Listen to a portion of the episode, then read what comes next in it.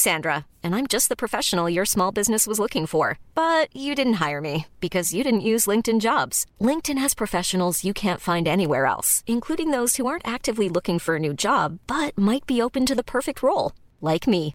In a given month, over 70% of LinkedIn users don't visit other leading job sites. So if you're not looking on LinkedIn, you'll miss out on great candidates like Sandra. Start hiring professionals like a professional. Post your free job on linkedin.com/people today. Hey, I'm Ryan Reynolds. At Mint Mobile, we like to do the opposite of what Big Wireless does. They charge you a lot, we charge you a little. So naturally, when they announced they'd be raising their prices due to inflation, we decided to deflate our prices due to not hating you. That's right. We're cutting the price of Mint Unlimited from $30 a month to just $15 a month. Give it a try at mintmobile.com slash switch. $45 upfront for three months plus taxes and fees. Promote for new customers for limited time. Unlimited more than 40 gigabytes per month. Slows. Full terms at mintmobile.com. Planning for your next trip? Elevate your travel style with Quince. Quince has all the jet setting essentials you'll want for your next getaway, like European linen, premium luggage options, buttery soft Italian leather bags, and so much more. And is all priced at 50 to 80% less than similar brands. Plus, Quince only works with factories that use safe and ethical manufacturing practices. Pack your bags with high-quality essentials you'll be wearing for vacations to come with Quince. Go to quince.com slash pack for free shipping and 365-day returns. Bakom varje samtal av den här podden ligger flera timmars arbete och löpande kostnader. Podden kommer alltid att vara gratis för alla, men för den som vill finns möjligheten att donera pengar. Genom Patreon kan du på månadsbasis donera det du tycker att vi är värda.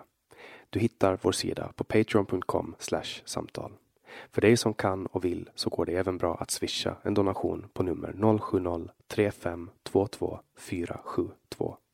Länkar och information hittar du på vår hemsida eller i poddens beskrivning.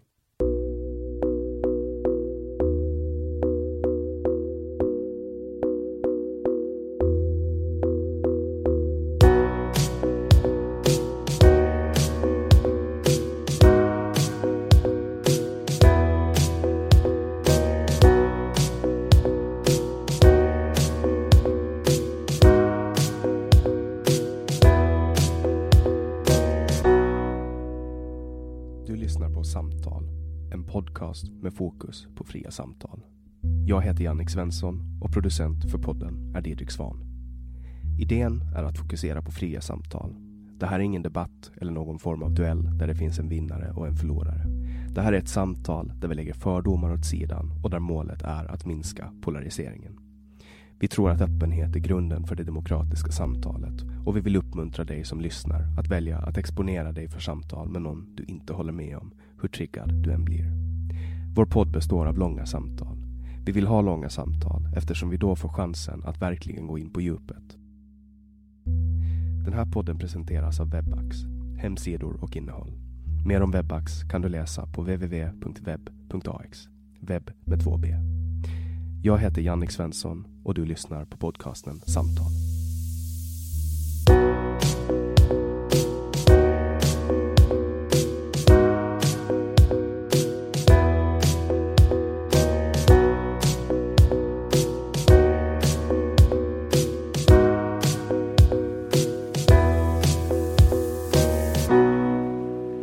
Alexandra Hedborg är moderat lokalpolitiker i Järfälla. Hon är ordförande i Järfälla kvinnojour. Hon är aktiv twittrare och skriver debattartiklar i olika tidningar. Hej Alexandra! Hej! Eh, är det första gången du är med i en podd? Nej, det är faktiskt andra gången jag är med i en podd. Jag försökte leta upp i, för att kunna researcha på dig innan, men jag lyckades inte hitta den någonstans. Men var kan man hitta den podden? Den finns på Youtube och på Soundcloud. Då och heter Generation Z. Då är det där jag ska kolla. För att när jag letar efter poddar nu för tiden så kollar jag bara på Spotify. När jag började med det här, då fanns det, då var det typ bara Acast som gällde för mig. Men nu, har, jag- nu kör jag bara Spotify när jag på, lyssnar på poddar. Mm. Vad lyssnar du på för poddar själv? Oj, jag lyssnar på allt möjligt. Allt ifrån politiska poddar till eh, kriminal, nöje och så vidare. Så det blir P3 Dystopia, P3 Historia, Svenska mordhistorier, eh, Mordpodden. Du har ingenting emot public service då, hör jag. Ja, jag är inte ett jättestort fan, men de ska ändå ha cred för de två poddarna. De gillar jag. De är väldigt... Eh, duktiga just på historia och eh, den här Dystopia-podden. De är välgjorda. Ja, med tanke på hur mycket... Så det är ett undantag, men så någonting bra ska de väl kunna få ut någon gång. Ja, om jag skulle få några miljarder kronor så tror jag också jag skulle kunna göra en riktigt, riktigt bra podd. Precis. Eh, så att eh, en del bra saker gör de, men med tanke på hur mycket pengar de får så tycker jag fortfarande att de underpresterar generellt. Och där, där håller jag med dig ganska mycket. Eh, men det är en helt annan, en helt annan diskussion. Ehm, men eh, du är alltså, du är moderat lokalpolitiker Ja, och du sitter i kommunfullmäktige i Järfälla. det stämmer. Hur länge har du suttit med? I kommunfullmäktige har jag suttit i sedan valet 2018. Eh, men jag har ju varit aktiv i drygt fyra år nu. Så jag satt ju i socialnämnden som ersättare till att börja med. Och sen kom jag in i kommunfullmäktige i det senaste valet. Just det. Och var började ditt politiska engagemang? Jag har varit intresserad väldigt länge och följt debatten väldigt länge, men inte varit engagerad politiskt. Ehm, utan jag började väl intressera mig 28, 29 där någonstans. Och ehm, jag växte ju upp i ett utsatt område och hade ju sett en del problem när det kommer till bristande integration och så vidare. Så jag började prata öppet om de här frågorna runt 28, 29 där någonstans. Och jag hade ju ingen aning om att det fanns en konsensuskultur eller vad man ska kalla det. Så att jag blev väldigt utsatt och påhoppad. Så du bodde i Sverige men du märkte inte att det fanns en... Jag, ha- jag hade ingen aning. Det var precis när mitt intresse hade väckts Ja. eh, för politiken. Jag var faktiskt miljöpartist på den tiden, tror det eller ej. Du blev rekryterad, typ värvad av någon polare? Ja, jag hade lär, det var väldigt hett ämne i skolan att prata just om miljö och eh, eh, den globala uppvärmningen och så vidare. Så att det är ju klart att jag tog det väldigt seriöst. Det gör jag fortfarande, men det var lite väl alarmistiskt på den tiden. De pratade lite så här domedagsretorik att jorden skulle gå under om tio år om inte vi löste de här problemen. Så att jag varit väldigt engagerad på den vägen. Men sen började jag intressera mig för andra frågor också. Och de började jag prata öppet om. Och var inte beredd på, på det jag skulle möta. Och du valde ändå Moderaterna för att jag, jag tänker att på den tiden när du började prata om det här, vad sa du? Det var runt, 28, 29 där någonstans. alltså runt 2008, 2009? Okej, det, jag, jag uppfattade det som att du var 28, 29 när du gjorde det och det är väl typ nu? Ja. Typ så. Ja, men, men det här var ju men tio år sedan då ungefär. Eh, och det var precis före Sverigedemokraterna kom in i, i riksdagen första gången. Precis. Och då på den tiden, då pratade ju inte Moderaterna så jättemycket om det här. Nej, jag var inte moderat på den tiden heller, utan det kom mycket senare. Du var miljöpartist då eller? Jag var miljöpartist och sen var jag politiskt obunden efter det. Eh, för efter jag blev utsatt för allt det här, jag blev ju... Jag fick ju hot, jag blev uthängd eh, på någon sida jag, av typ AFA eller dylikt. Där de hängde ut mina personuppgifter och uppmanade folk att slå ihjäl mig mer eller mindre. Så att jag blev ju skiträdd såklart. Och blev tyst. Men jag följde fortfarande debatten på avstånd. Och efter ett tag så kände jag att det här, alltså, det här är helt sjukt att inte vi kan diskutera vissa frågor öppet utan att du ska bli kallad för rasist eller det ena och det andra. Så jag kände att nej, alltså, jag tycker Sverige är ett skitläskigt land. Jag vill dra härifrån. Och jag valde att flytta då. Så jag flyttade till Australien och bodde där i tre år. Och sen valde jag att komma tillbaka hem och tänkte att nu ska inte jag vara en sån här som bara sitter på internet och är skitarg över att ingenting förändras, utan då ska jag börja engagera mig själv och försöka göra någonting åt saken. Växte du upp i, i Järfälla? Nej, jag växte upp i Jordbro. Det är en förort söder om Stockholm. Hur hamnade du i Järfälla och var det bara liksom av slump som du hamnade där och började med kommunpolitik? Ja, det var lite av en slump, för jag flyttade hem från Australien och eh, bodde hos mina föräldrar i Bromma tillfälligt. Eh, och sen när det var dags att hitta ett eget boende så kikade jag just på Järfälla. Och där hamnade jag till slut. Och nu har jag varit där i, ja, jag har bott där i fyra år. Okej. Och du, du hamnade på min radar när vi båda blev omnämnda i, omnämnda i haveristerna. Ja. Eh, och jag blev lite irriterad på att eh, de pratade om eh, att Åland har fått plats, men de nämnde inte att du är halvålänning. Jag tror inte att de visste att jag var det faktiskt. Men du hade ju det ganska länge på din Twitter-bio. Sant. Eller jag hade en flagga i alla fall. Ja, det är inte alla som förstår. Nej, kanske inte. Kanske inte. Men du är halvålänning i alla fall. Ja, det stämmer. Så din pappa är från Åland. Ja, han är från Åland. Har du varit mycket på Åland på somrarna? Oh ja, det har jag varit. Spenderat väldigt, eh, väldigt många somrar på Åland, men också julafton och så vidare. Jag jobbade ju på Eckerlinjen ett tag och just under den perioden så var jag på Åland var och varannan vecka. Då är det ju extremt stor sannolikhet att vi har stött på varandra i något sammanhang. Det har vi säkert gjort. Var jobbar du på Eckerlinjen då? I, i taxfree eller? Jag har jobbat typ överallt. I taxfree, kafeteria, lite i baren, i bistron. Ja, det är väl de ställena tror jag. Ja, då, är det, då är det mycket stor sannolikhet att vi har stött på varandra. För jag åker ju de där båtarna hela tiden. Exakt. Och vi har säkert en del gemensamma vänner också. Antagligen.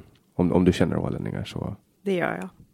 Och den här podden börjar egentligen som en, en lokal eh, podcast. Men nu har, nu har jag liksom riktat om den lite till Sverige eftersom jag befinner mig här nu.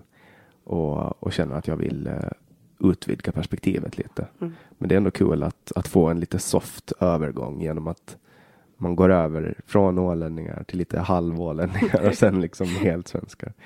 Eh, men eh, när det kommer till identitet då. ehm, för att en stor grej med Sverige som jag har märkt, jag har bott här tre år innan jag flyttade hem till Åland och då märkte jag att det här med identitet, att många människor påstår att det finns ingenting som är svenskt eller svenskhet. Och det var inte så, det var nu en, en eh, reklam som, som SAS hade ute för, för ett tag sedan där man pratade om att ingenting var svenskt och det upprörde väldigt många människor. Mm. Vad är dina tankar om det här med svenskhet? Vad är svenskhet för någonting? Finns svenskhet? Kan man vara svensk? Ja, jag tycker självklart att du kan vara svensk. Precis som att, alltså jag är ju ålänning, svensk och portugis. Jag ser ju en enorm skillnad på till exempel portugiser och svenskar. Sen finns det ju inte en lista på olika kriterier som definierar exakt vad svenskhet är. Men svenskar beter sig på ett visst sätt generellt. Eh, till exempel att, som nu när du åker tunnelbanor, du kanske inte sätter dig bredvid någon utan du sätter dig snett, snett i, alltså mitt emot den. Eh, och sen också bara det här att hälsa på grannar till exempel. Man undviker det helst. Och det gör man inte i Portugal till exempel. Där är det exakt tvärt emot. Då springer man till sina grannar och, och hejar på dem. Så det finns beteenden som är svenska, eller vad som, som man... Som, ja, som är... Som, som svenskar har, om man säger så, som inte finns i andra delar av världen riktigt. Och, och utöver beteenden då? Vad är svenskt förutom just det Alltså här? det, det är en väldigt, det är väldigt brett. Allt ifrån våra traditioner till vad vi äter på påsk och att vi dansar runt midsommarstången. Och sen förstår jag också att det är sånt som vi kan ha tagit från andra länder eller som vi blev inspirerade av. Men vi har ändå tagit det och gjort det till vårat på något sätt. Vad tänkte du när du såg den här SAS-reklamen? Jag blev väl inte kanske riktigt så himla upprörd som många andra, men jag tyckte att det var... Ja, vad ska man säga? Jag tyckte det var... Jag förstår vad de ville göra, men jag tyckte de gjorde det fel, helt enkelt. För Då- deras poäng var liksom att vi reser ut i världen och vi hämtar inspiration och tar med oss det hem. Men jag tycker man hade kunnat gjort det på ett annat sätt. Istället för att säga att det finns ingenting som är svenskt. Jo, det är klart att det finns saker som är svenskt. Men vi hämtar också inspiration och andra hämtar inspiration från oss.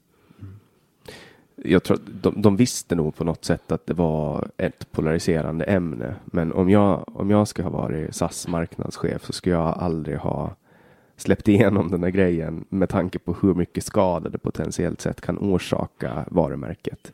Eh, nu lider ju hela flygtrafiken av, eh, av det som håller på att hända nu eh, med viruset och, och allt som händer. Men det är ändå ett ganska effektivt sätt. Alltså att ge sig in i sådana här politiskt polariserande frågor. Jag tror inte att det är bra för ett varumärke. Som till exempel Gillette. Mm. När de gjorde sin grej om uh, the best a man can get, mm. typ. Eller the best a man can be.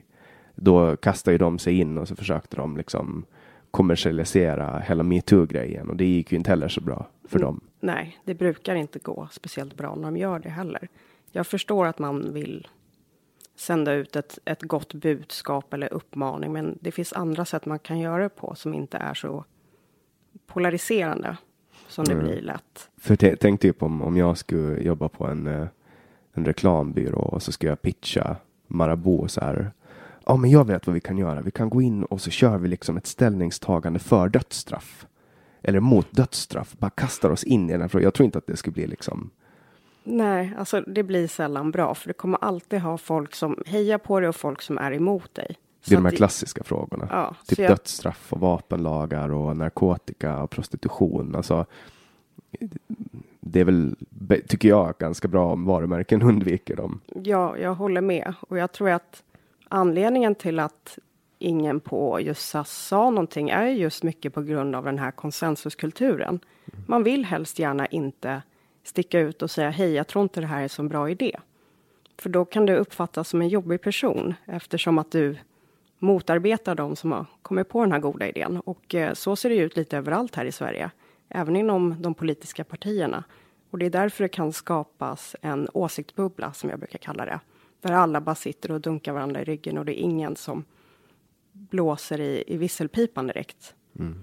Det finns liksom ingen som utmanar åsikterna. Nej, och det är därför jag tror att det blev vad jag ska kalla en, en masspsykos eller härdsmälta i Sverige där ett tag när vi inte alls kunde diskutera migrationsfrågor överhuvudtaget, förutom att ha en och samma linje, vilket var vi har öppna gränser och det är det som gäller.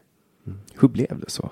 Alltså hur, hur var det så att det var, det var, det var liksom, jag förstår att du kanske inte kan svara på den frågan, men var, var, var tror du att det kommer ifrån? Att man fick inte prata om migrationspolitik i tio år? Oj. Jag har funderat väldigt mycket på, på det där.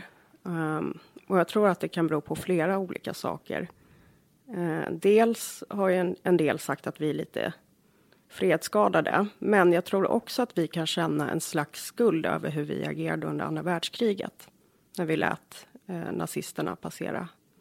Uh, och hjälpte dem och tog emot guld och, och allt. Och sen tror jag också att det kan ha att göra med lite på 90-talet hur det var när vi hade massa nynazister som sprang runt. Och bodde i Gamla stan och hade sig. Ja, och höll på. Um, och sen också att när man väl har liksom dragit upp de här frågorna. Jag vet ju till exempel att Liberalerna var upp, ute ganska tidigt och pratade om till exempel hedersrelaterat våld och förtryck och det här. Och de fick ju så himla mycket skit det var väl typ Nyamko Sabuni som, som började med det. Precis. Um, och jag tror också att det berodde på att vi förstod inte riktigt vad, vad det här är för någonting. Uh, och det är svårt att särskilja på saker och ting. Till exempel om vi pratar om muslimer idag till exempel så är det fortfarande väldigt många som inte kan uh, skilja på muslimer, islamister, politisk islam etc. Utan det blir väldigt lätt att man klumpar ihop alla i en och samma definition. Mm. När vi pratar om olika saker. Och det finns ju också extremt många muslimer. Alltså typ en sjättedel av världens befolkning. Precis, och det finns otroligt många olika grenar inom islam. Och man ska också komma ihåg att, att alla personer är ju fortfarande individer någonstans. Ja, rasism är ju väldigt kollektivistiskt. Ja. Det är ju den yttersta formen av kollektivism. Ja, exakt. Och det finns ju också väldigt många olika former av rasism. Um, som jag har noterat att um, jag satt och funderade. Jag satt och pratade med, häromdagen med två kompisar som är eh, judar och de och, och de satt och berättade liksom om judendomen. Jag vet ju väldigt lite om judendomen för att det finns ju en förhållandevis ganska lite judar i Sverige och, och de som, som finns och pratar kanske inte så jättemycket om det. Eh, så vi satt och pratade om vad som är liksom typiskt judiskt. Och då eh, reflekterar jag över, över det här att att alla, alla judar som jag känner så tycker jag, jag, jag tycker att det är bra människor liksom. Eh, men om jag då eh, använder det och till exempel säger till en människa, eh, men jag tycker om judar jättemycket för att de är jättetrevliga. Det är ju också en form av rasism. Bara att den, att den är positiv, för då drar jag alla judar över en kam. Förstår du vad jag menar?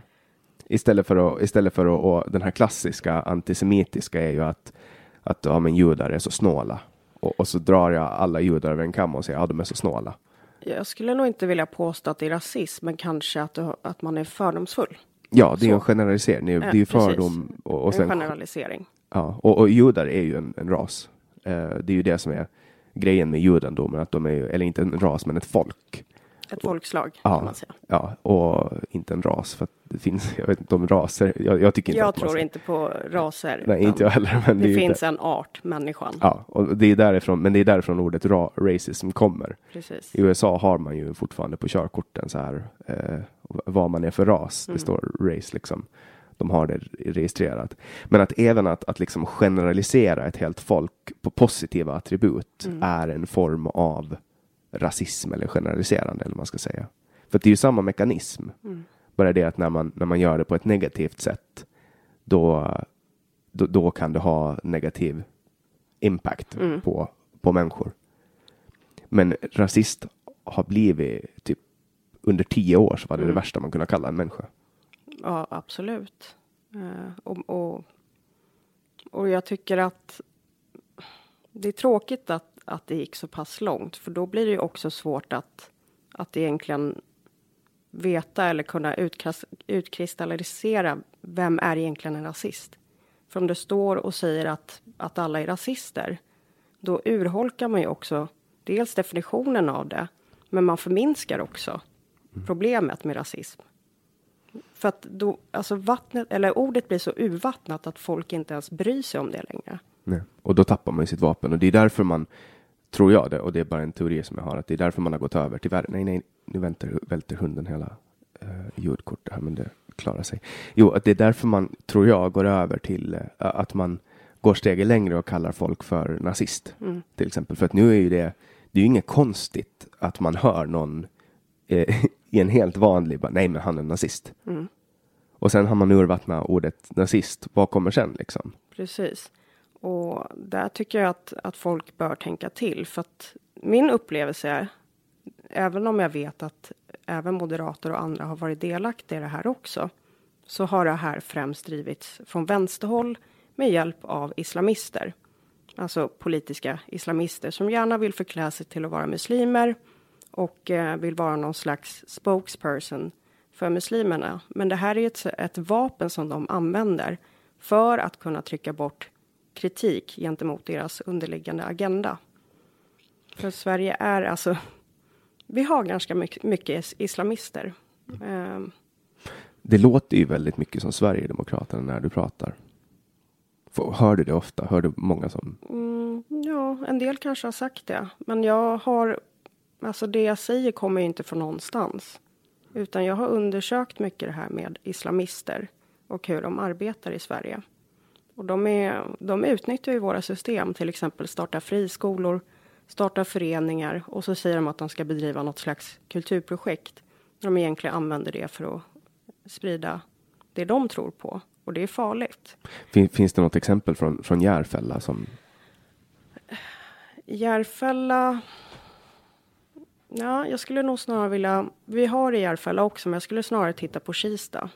Där har vi väldigt många islamister eh, som driver en agenda. Till exempel Cordobaskolan. Var det där de hade omskurit pojkar med någon lödpistol?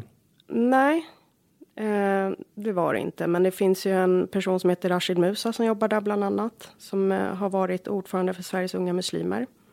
Och som är en islamist. Eh, han är inte radikal skulle jag inte säga, men han har definitivt en agenda.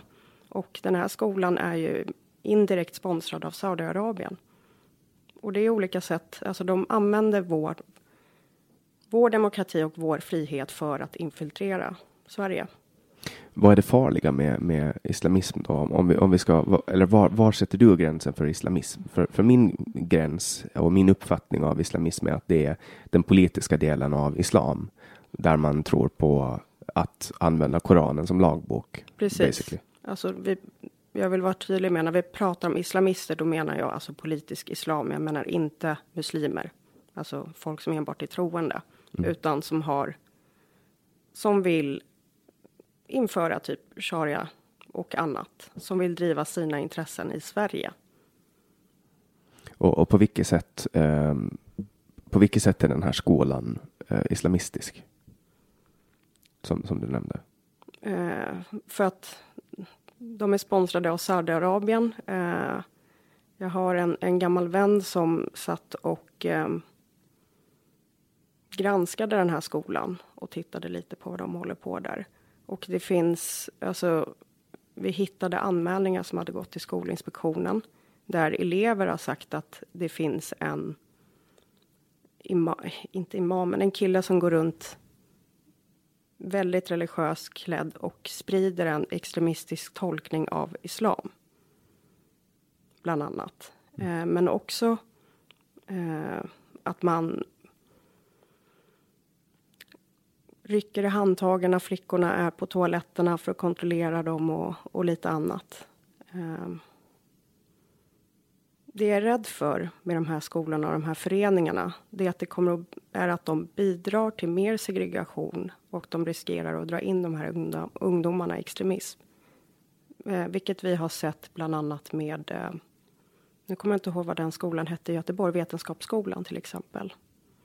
Det är liksom inte en slump att de flesta Isis-krigarna kom från Göteborg.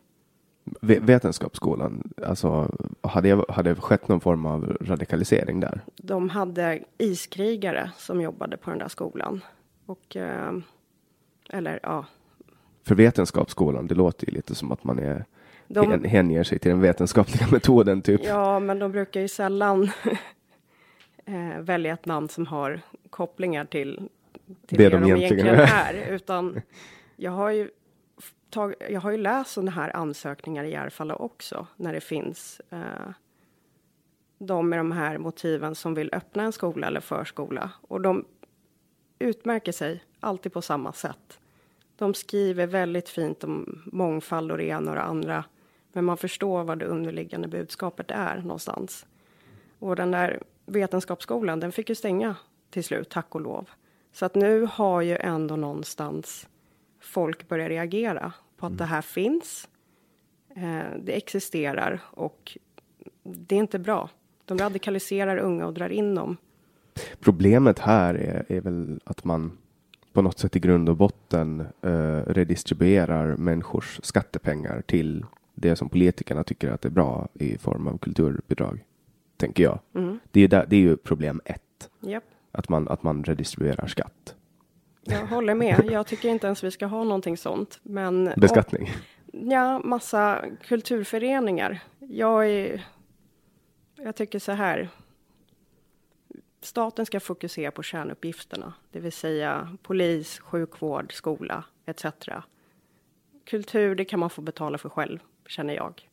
Men nu, om vi nu än har de här kulturföreningarna så måste man ju verkligen se till att de håller på med det de säger att de gör, vilket många av dem inte gör. För det är väldigt lätt att komma undan med det. Det finns knappt någon kontroll överhuvudtaget. Ja, sen finns det ju också otroligt mycket kulturpengar. Jo, en del. Så att det, alltså, jag, jag kan vara benägen att, att hålla med om att um, det finns uh, kultur som, som inte skulle finnas som marknaden skötte allting. Precis. Och att det kanske skulle vara bäst så. Ja. Alltså, jag, jag, kan dra ett, ett annat exempel. Eh, jag blev ju approachad av en person som hade varit aktiv i Socialdemokraterna förut eh, och som kontaktade mig angående ABF i Huddinge och en imam som är anställd där. En källarimam. Och eh, ABF hade då fått pengar från kommunen eh, till så här arbetsmarknadsåtgärdsprogram kan man väl säga Eh, där den här imamen och hans fru startade flera olika så här pappersföreningar vill jag kalla dem. Det är inga riktiga föreningar utan. Typ shell companies. Ja, alltså. De säger att de har massa medlemmar, men ofta så är det bara på så att säga. Eh, och eh, den här imamen och hans fru fick då massa pengar från både liksom ABF och kommunen eh, för att få in nyanlända med flera på arbetsmarknaden. Men det enda han har gjort egentligen är att bedriva koranstudier. Och det har inte varit för så många som man har påstått att det har varit. Och det här har alltså då pågått i fem, sex års tid. Och vad har, vad har man fått i utbyte för det här då? Jo, han går ju tillbaka till sin moské och uppmanar ju folk till att rösta på ett visst parti. Så sånt där pågår överallt. Mm. Kollar man på förra valets resultat så ser man en ganska stark korrelans mellan eh, mellan socialdemokratiskt valröstande och utsatta områden, alltså personer från socioekonomiska, ut, eh, socioekonomiskt utsatta områden tenderar att rösta på Socialdemokraterna. Mm. Och i vissa fall är det över 80 procent som, ett, alltså som Socialdemokraterna kan få röster i, ett, mm. i en viss kommun. Vad, vad beror det här på tror du?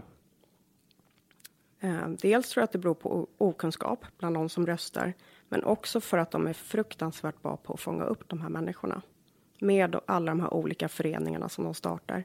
Alltså Socialdemokraterna har ju hur många olika liksom, organisationer och föreningar som helst som är kopplade till dem, till exempel ABF. Och de fångar ju upp alla de här. Ja, ABF och sen varenda fackförbund i hela ja, Sverige. Allt. Eh, så att jag tror att, och det är inget fel att de gör det, utan där tror jag snarare att det är oppositionen som behöver göra sin hemläxa och vara mer synlig ute i orten. Alltså prata med folk, gå ut och träffa dem. Det är vi faktiskt väldigt dåliga på och det behöver vi lära oss utav. För vi har i princip lämnat walkover till vänstern ute i våra förorter.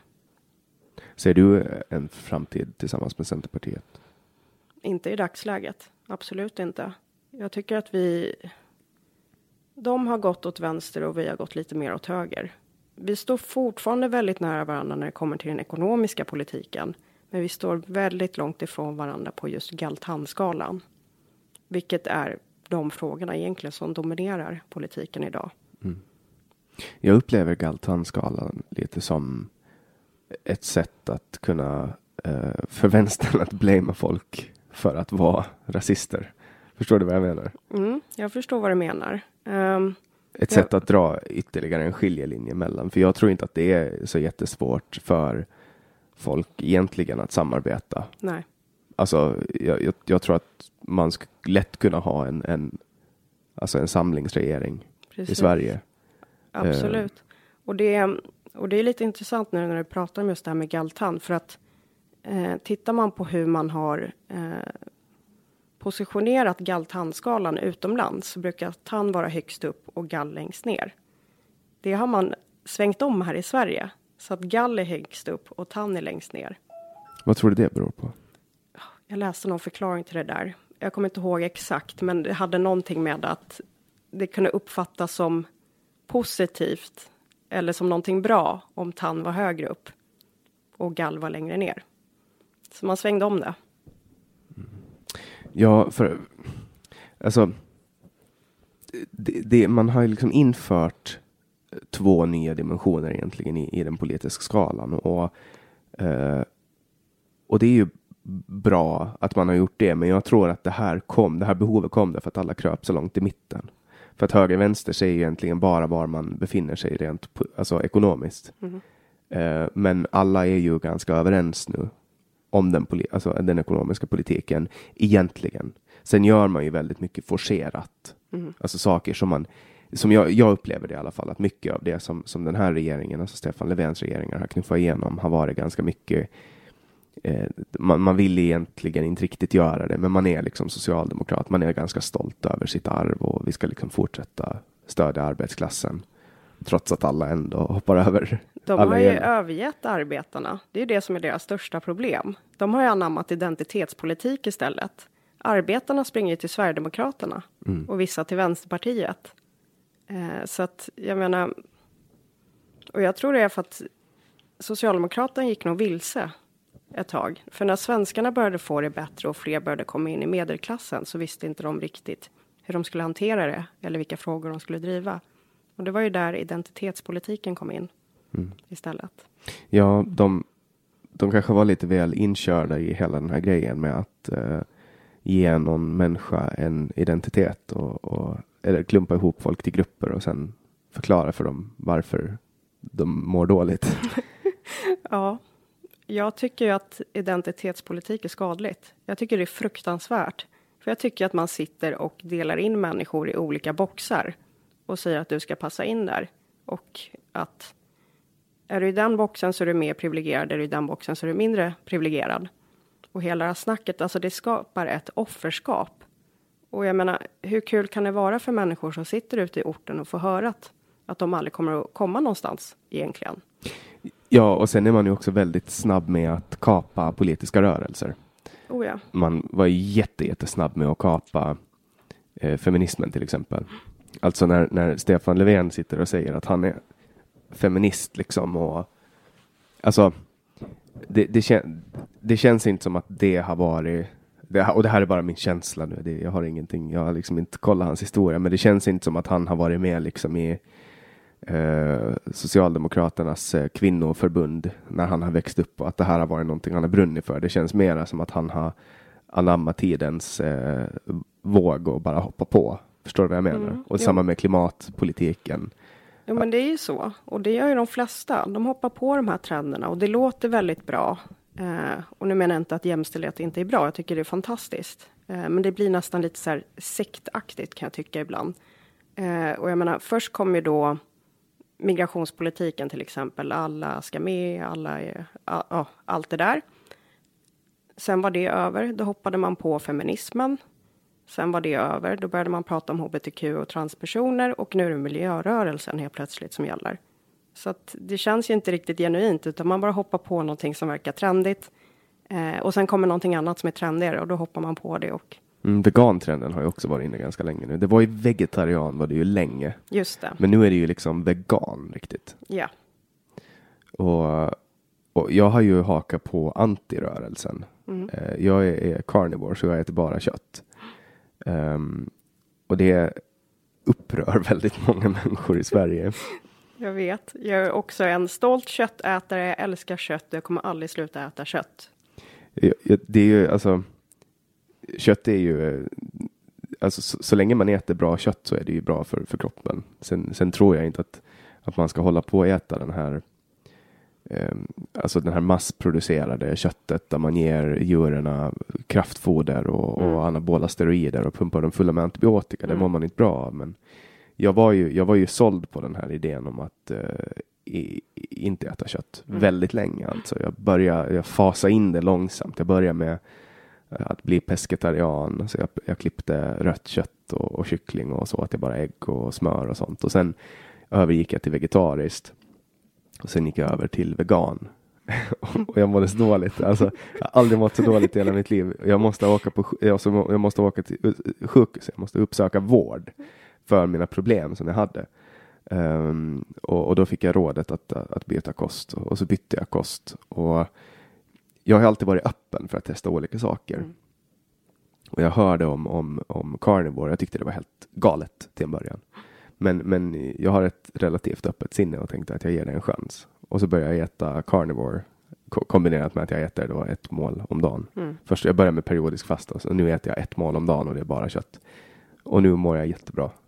Alltså min kropp mår bra. Ja, och, och det är bra att det funkar för dig. Ja, ehm. forskningen säger ju att man absolut inte ska göra det, att det är farligt, att jag kommer att få cancer och dö. Och att, alltså, men, men, men den bästa indikatorn är väl ens egen kropp, antar jag. Jag skulle väl säga att många av de där studierna ska man ta med en nypa salt. Det var i alla fall det första jag fick lära mig när jag läste statistik och annat på universitetet, att det är väldigt svårt att få fram tillförlitlig statistik. Det är extremt svårt. Och alltid när de pratar om de här riskerna, till exempel med rött kött. Oj, ursäkta. Ingen fara. Eh, så de kan säga så här, ja, risken för att dö i cancer eh, dubbleras om du äter rött kött. Men då nämner de inte liksom vart grundrisken ligger. Säg att det är en halv procent och det plötsligt blir en procent farligare att äta rött kött. då är det ju kanske inte så himla farligt som man vill utmåla det. Och folk tar ju sig inte tiden att titta upp det här, utan de köper vad tidningarna skriver i sina rubriker. Men oftast skulle jag säga, ta det med en nypa salt, ät, alltså måttligt. Ät vad du vill, men ät måttligt. Jag märker ju när jag får i mig, jag kan till exempel inte äta så jättemycket kött här i Sverige. Hemma på Åland är det inga konstigheter. Där äter jag mycket från min kompis Jonas är bonde och de har köttdjur. De har highland cattle, kossor som ja, de, de gör kött av det. Och när jag äter det här lokalproducerade eh, fr- från, från djur som har ätit gräs på marken, då mår jag bra. Och om jag åker till en butik och köper ja, men typ finskt kött eller svenskt kött eller något annat kött eller här i Sverige, då är det väldigt stor sannolikhet att ehm, min mage kollapsar av det. Så att man märker ju om man äter, alltså man, om, jag går, om jag går till en restaurang och äter och, och så blir jag typ matförgiftad eller börjar må jättedåligt eller får ont i magen, då, märk, då har man ju ätit någonting dåligt. Så det är ju det som bör vara indikatorn. Precis. Eh, när jag satt och tryckte i mig de här veganska rätterna, alltså, det var ju det är klart att det fanns, det, fann, det hade sina stunder alltså. Men att hålla på och joxa runt med något så här jättedyrt um, halvfabrikat, alltså nej, ingenting för mig alltså. Nej, jag håller helt med. Jag försöker äta svenskt eh, i, i den utsträckningen jag kan. Jag äter alltid svenskt kött och eh, försöker äta så mycket svenska råvaror som möjligt. Eh, och det funkar bra för mig.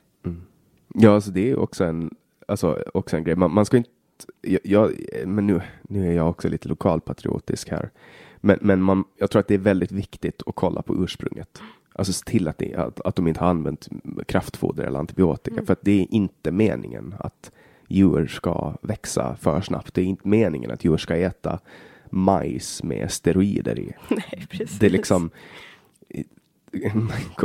Ja, gräs, gräsbetat. That's the shit. Åk helst till bonden och köp det, köp det direkt av bonden och köp det svart. Nej, jag skojar. Man får inte göra, genomföra skattebrott. Man får inte uppvigla till skattebrott Nej. heller, men det var ett skämt. Men eh, det tror jag att det är det bästa. Mm. Vi har faktiskt eh, i Järfälla där man kan köpa. Det finns ju ett, ett ställe som heter Jörven, Jörvens slott. Och där har de ju lite djur och där brukar de sälja nyslaktat. Finns det några marknader också som ni eh, har där ute som du kan åka till? Och, Nej, det är väl typ det enda. Det kanske är en nackdel med att bo i stan. Det finns inte så mycket bönder runt omkring, tyvärr. Så det är därför jag försöker hålla mig till ja, svenskt kött istället. Det är Jag väl det bästa jag kan Ja, men visst är det någon speciell känsla när man, när man vet, alltså när man äter någonting som är, man, man köper någonting från en bondgård och så äter man det. Mm. Då är det, det är nog alltid något speciellt, det känns lite bättre på något sätt. Det är typ som min mamma har hönor. Och, och när jag äter av de äggen så, så känns det alltid lite bättre för att man, man vet liksom Att var det de är kom- bra. Ja, men var de kommer ifrån och så här, vad de har ätit. Så jag har ingen aning om vad, vad, vilka trauman hönorna har gått igenom om jag köper ägg på Ica. Liksom. Nej, men precis. Jag håller helt med dig.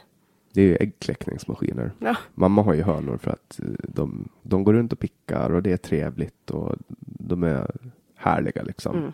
Och det man hör lite skönt kacklande och någon tupp som så kommer det små kycklingar som är jättesöta. Alltså, istället för att ha en, en värphöna som bara ska pumpa ut ägg liksom. precis.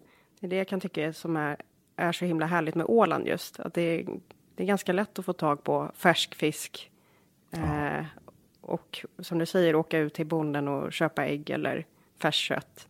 Ja, och kunna, kunna cykla ner. Det är också en sån här sjukt fin grej med Åland. Man kan hoppa upp på cykeln och så åker man ner till, till närmsta brygga och så fiskar man upp sin mat liksom. Men det gör man aldrig när man bor på Åland. Så det, det är det som är härligt med Åland, men man gör inte. Jag gör det när jag kommer dit. Vi åker alltid ut och fiskar när jag är på Åland. Nästan alltid. Jag har en, en kompis som stod och, i köket och skar, eh, skar kyckling. Jag tror att jag berättade det här i någon podd för länge, länge sedan. Men han stod och skar kyckling. Nej, men, ja, kyckling som han hade köpt i butiken och så märkte han att det var så här fullpumpad med salt och, och den var så här svår att skära i och han märkte att fibrerna var, det var liksom onaturligt. Så såg han ett rådjur som stod åt i trädgården. Eh, då tittade han på kycklingen, tittade han på rådjuret, tog han fram sopkorgen, körde ner kycklingen i sopkorgen. Så gick han till vapenskåpet, hämtade sitt gevär, öppnade dörren och sköt rådjur och gick ut och slaktade.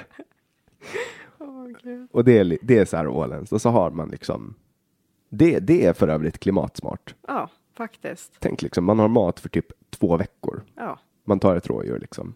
precis. Och du vet att den har levt ett bra liv innan. Ja, ett bra liv och, och, och jag menar, kollar man på hur många rådjur som blir överkörda. Det finns för många rådjur alltså. Så. Precis, så att det ger ju andra effekter också. Det vill säga att har du ihjäl ett rådjur, ett rådjur så minskar ju risken för att en människa dör i en trafikolycka.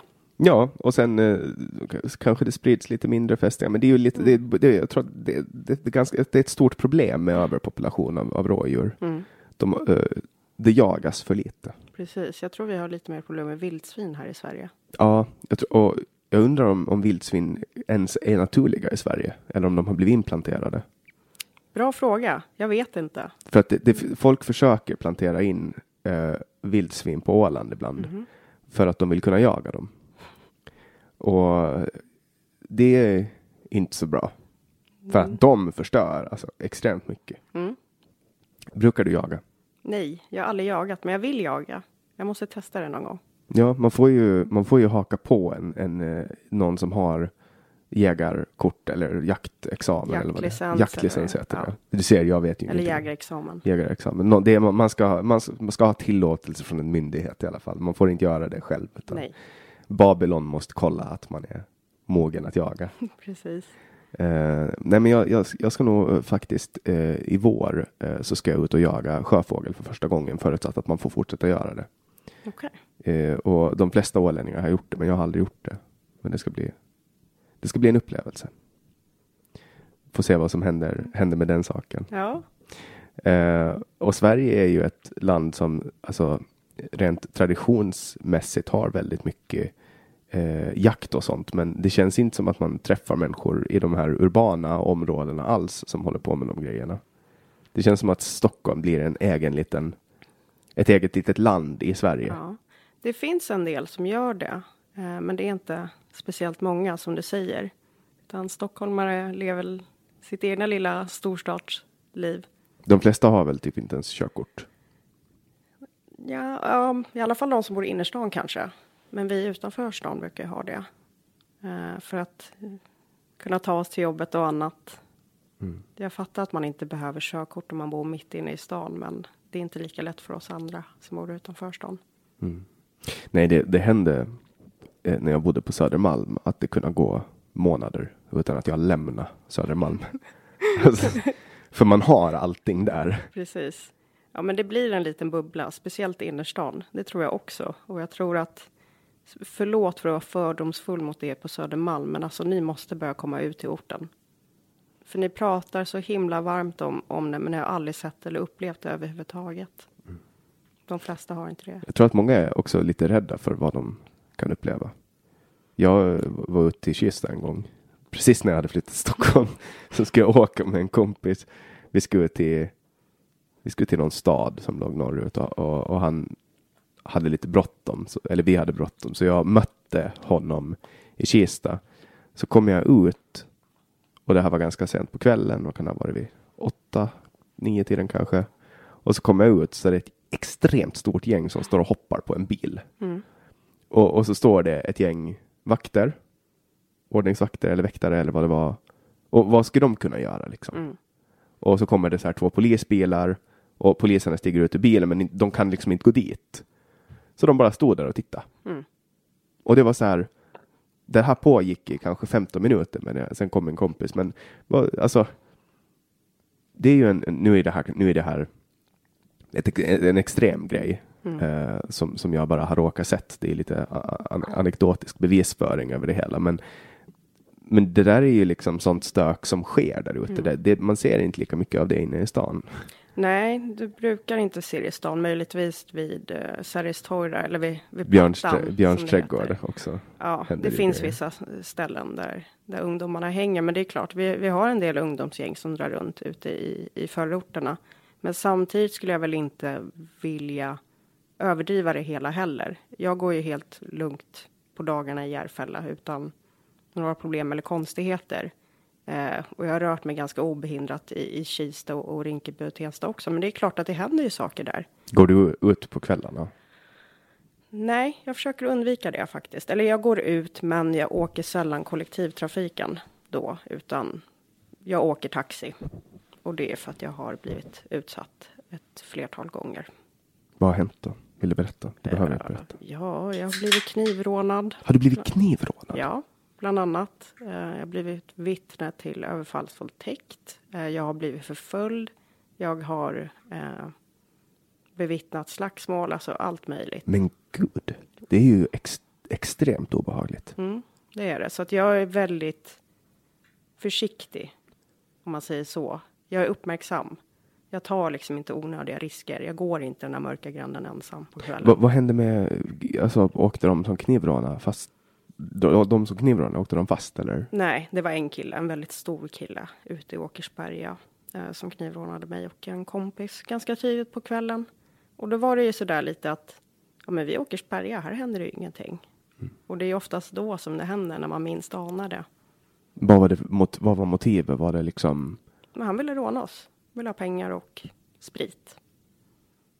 det låter ju extremt. Och sen eh, vittne till en överfallsvåldtäkt. Ja, precis. Det är väl typ en procent, nu bara ryckte jag en siffra liksom, men det är väl typ en extremt låg procent av alla våldtäkter som är överfallsvåldtäkter. Mm. Jo, men så är det ju. Det Så är- sannolikheten att se, be- bevittna någonting sånt är ju också otroligt liten. Exakt. Så att, eh, men det händer. Och jag tycker man, du ska inte vara rädd, men du ska inte vara dum heller.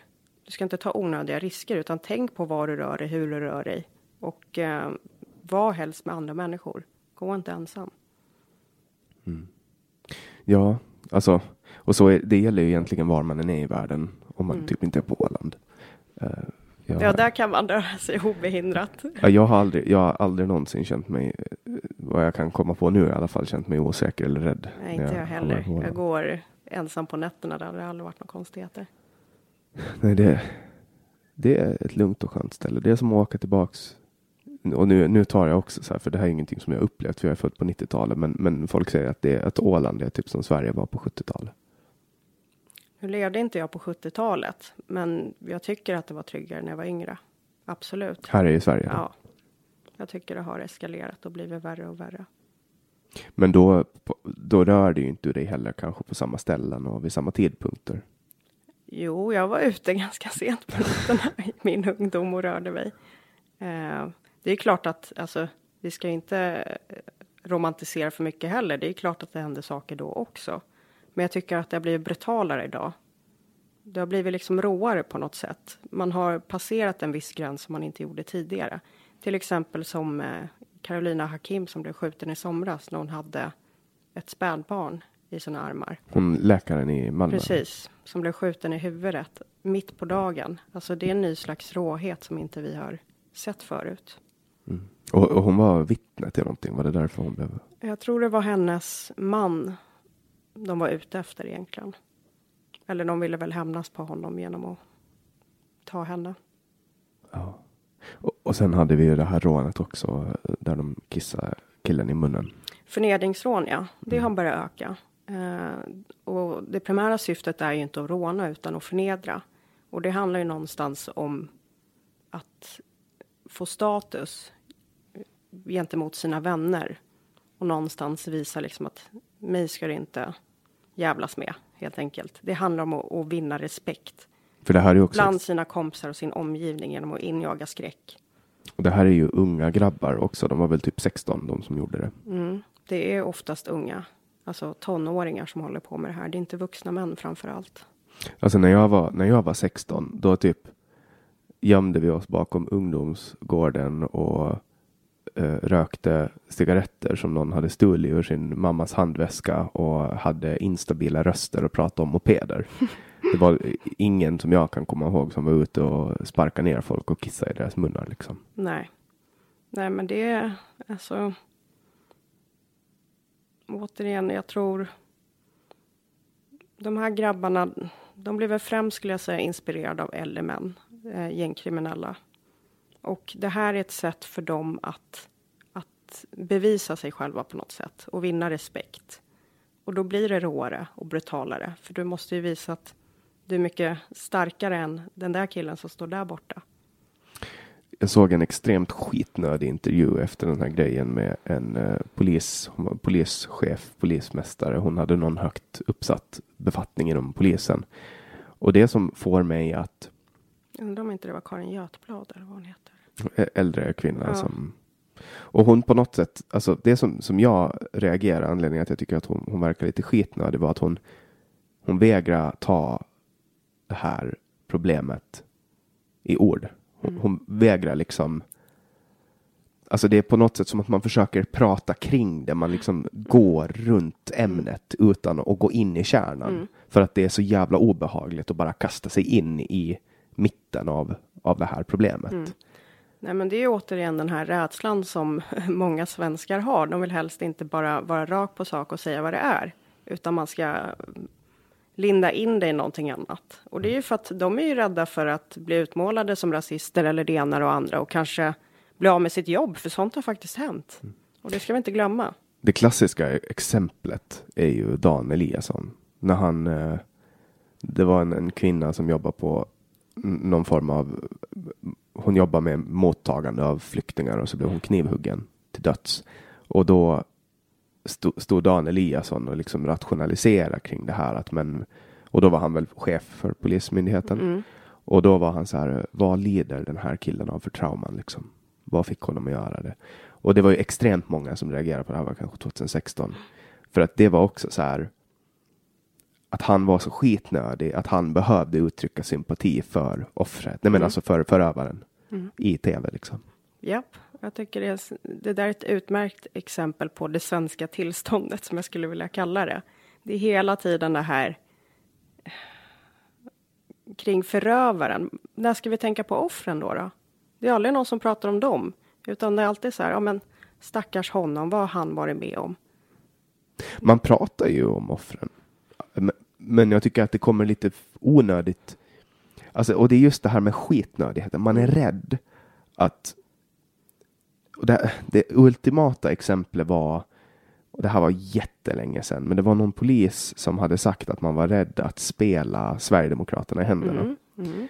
Och, och, det här var ju det, den yttersta manifestationen, för där var det ju någon som var lite så här dum smart eller man, alltså så här, bara råkar liksom säga det, så här, det som alla tänker men inte vågar. För man vill ju inte ge Sverigedemokraterna rätt. Mm. För att Sverigedemokraterna har sagt att nej, men med, med flyktingmottagning så kommer nya former av uh, kriminalitet. Liksom. Mm. Och de har sagt det gör det inte alls. Mindre än en procent av alla som kommer är kriminella, resten sköter sig etc. etc. Uh, och sen vid något tillfälle så, så var man på något sätt tvungen att erkänna att ah, okej okay då, men det kanske har kommit lite hedersrelaterat våld. Mm. Det kanske har kommit lite könsstympning. Men, men man har inte velat erkänna det för att man har varit rädd att det ska gynna Sverigedemokraterna. Men jag tror att det mera skulle gynna, sig till exempel att, att uh, någon so socialdemokratisk minister skulle gå ut och fördöma det här. Mm. Nej, men alltså approachen som de övriga partierna och media och alla andra har kört. Det har ju varit helt fel. Det är ju det som har gynnat Sverigedemokraterna om något. Mm. Att man inte har velat tala klarspråk eh, och bara försökt förneka att problem existerar.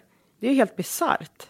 Alltså, människor är inte dumma i huvudet. Det, vi lever liksom i, i en internettid där det mesta är ett klick bort. Och jag, jag, kan inte förstå att man har kunnat tro att man skulle kunna lura folket.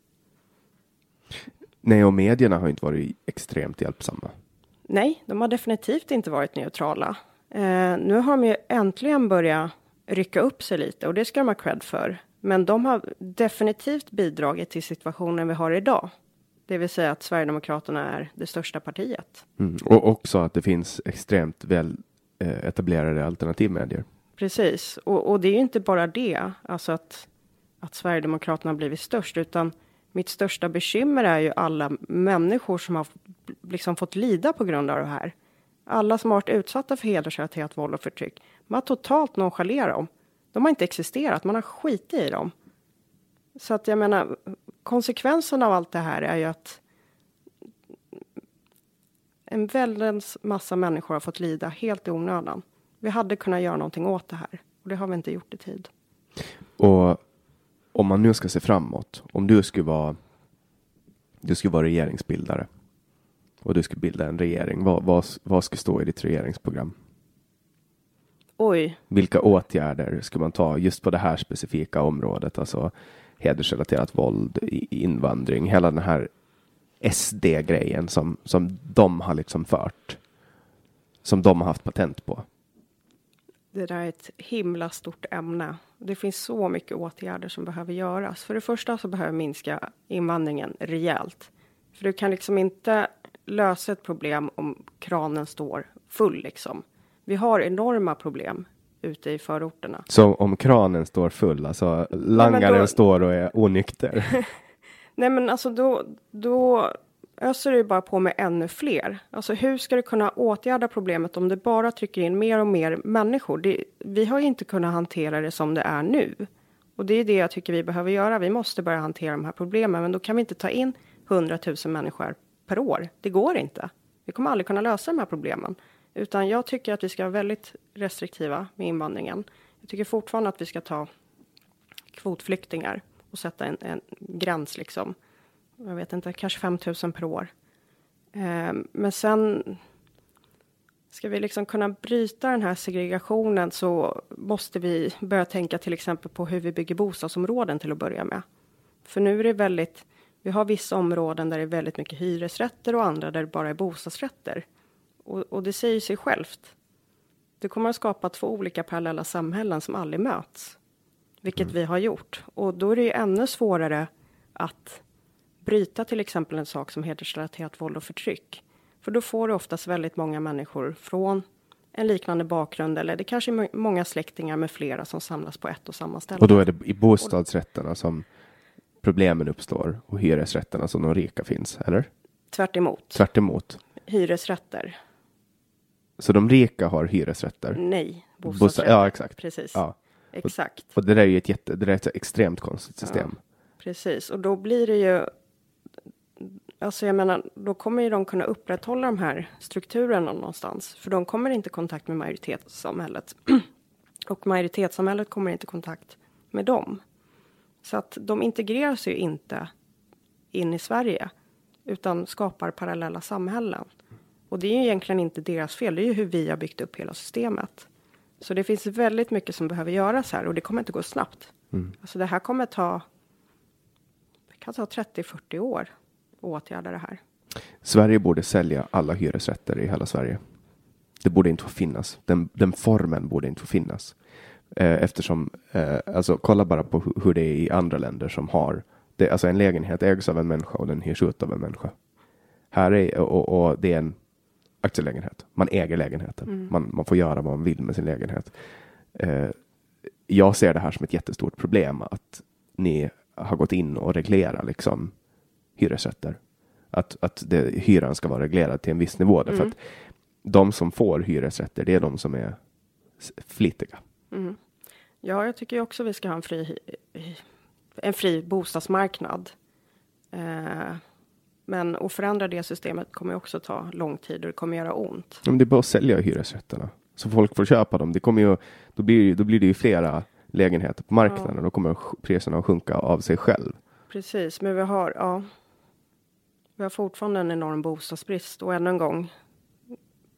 Tar det in 100 000 personer på år så kommer vi aldrig komma ikapp. Så någonstans måste vi börja reglera inflödet av människor för att bostadsmarknaden och all annan infrastruktur ska få en chans att kunna ta ikapp allt det här. Ja, alltså under det här året, det, det, det ska bli spännande att se hur det utvecklar sig för att eh, nu är väldigt många gränser stängda. Mm. Eh, på grund av coronaviruset som sprider sig och samtidigt så är en flyktingkris på väg att eskalera i Grekland. Mm. Och de, de här flyktingarna som nu har forcerat gränsen ha, ha, kommer från Turkiet då, eller som får gått igenom kommer sannolikt, hit, sannolikt inte att få passera flera gränser i Europa på grund av det här viruset. Mm. Eh, och det gör ju att också Sverige tvingas att sätta stopp för det här. Ja, alltså jag kan ju säga så här. Om vi får en till flyktingvåg lik den vi hade 2015 så är det dödsstöten för Socialdemokraterna. Tror du det? Ja, det tror jag absolut. Och Var inte, en, var inte en eh, i förlängningen ganska bra för Socialdemokraterna? Nej, det var det inte.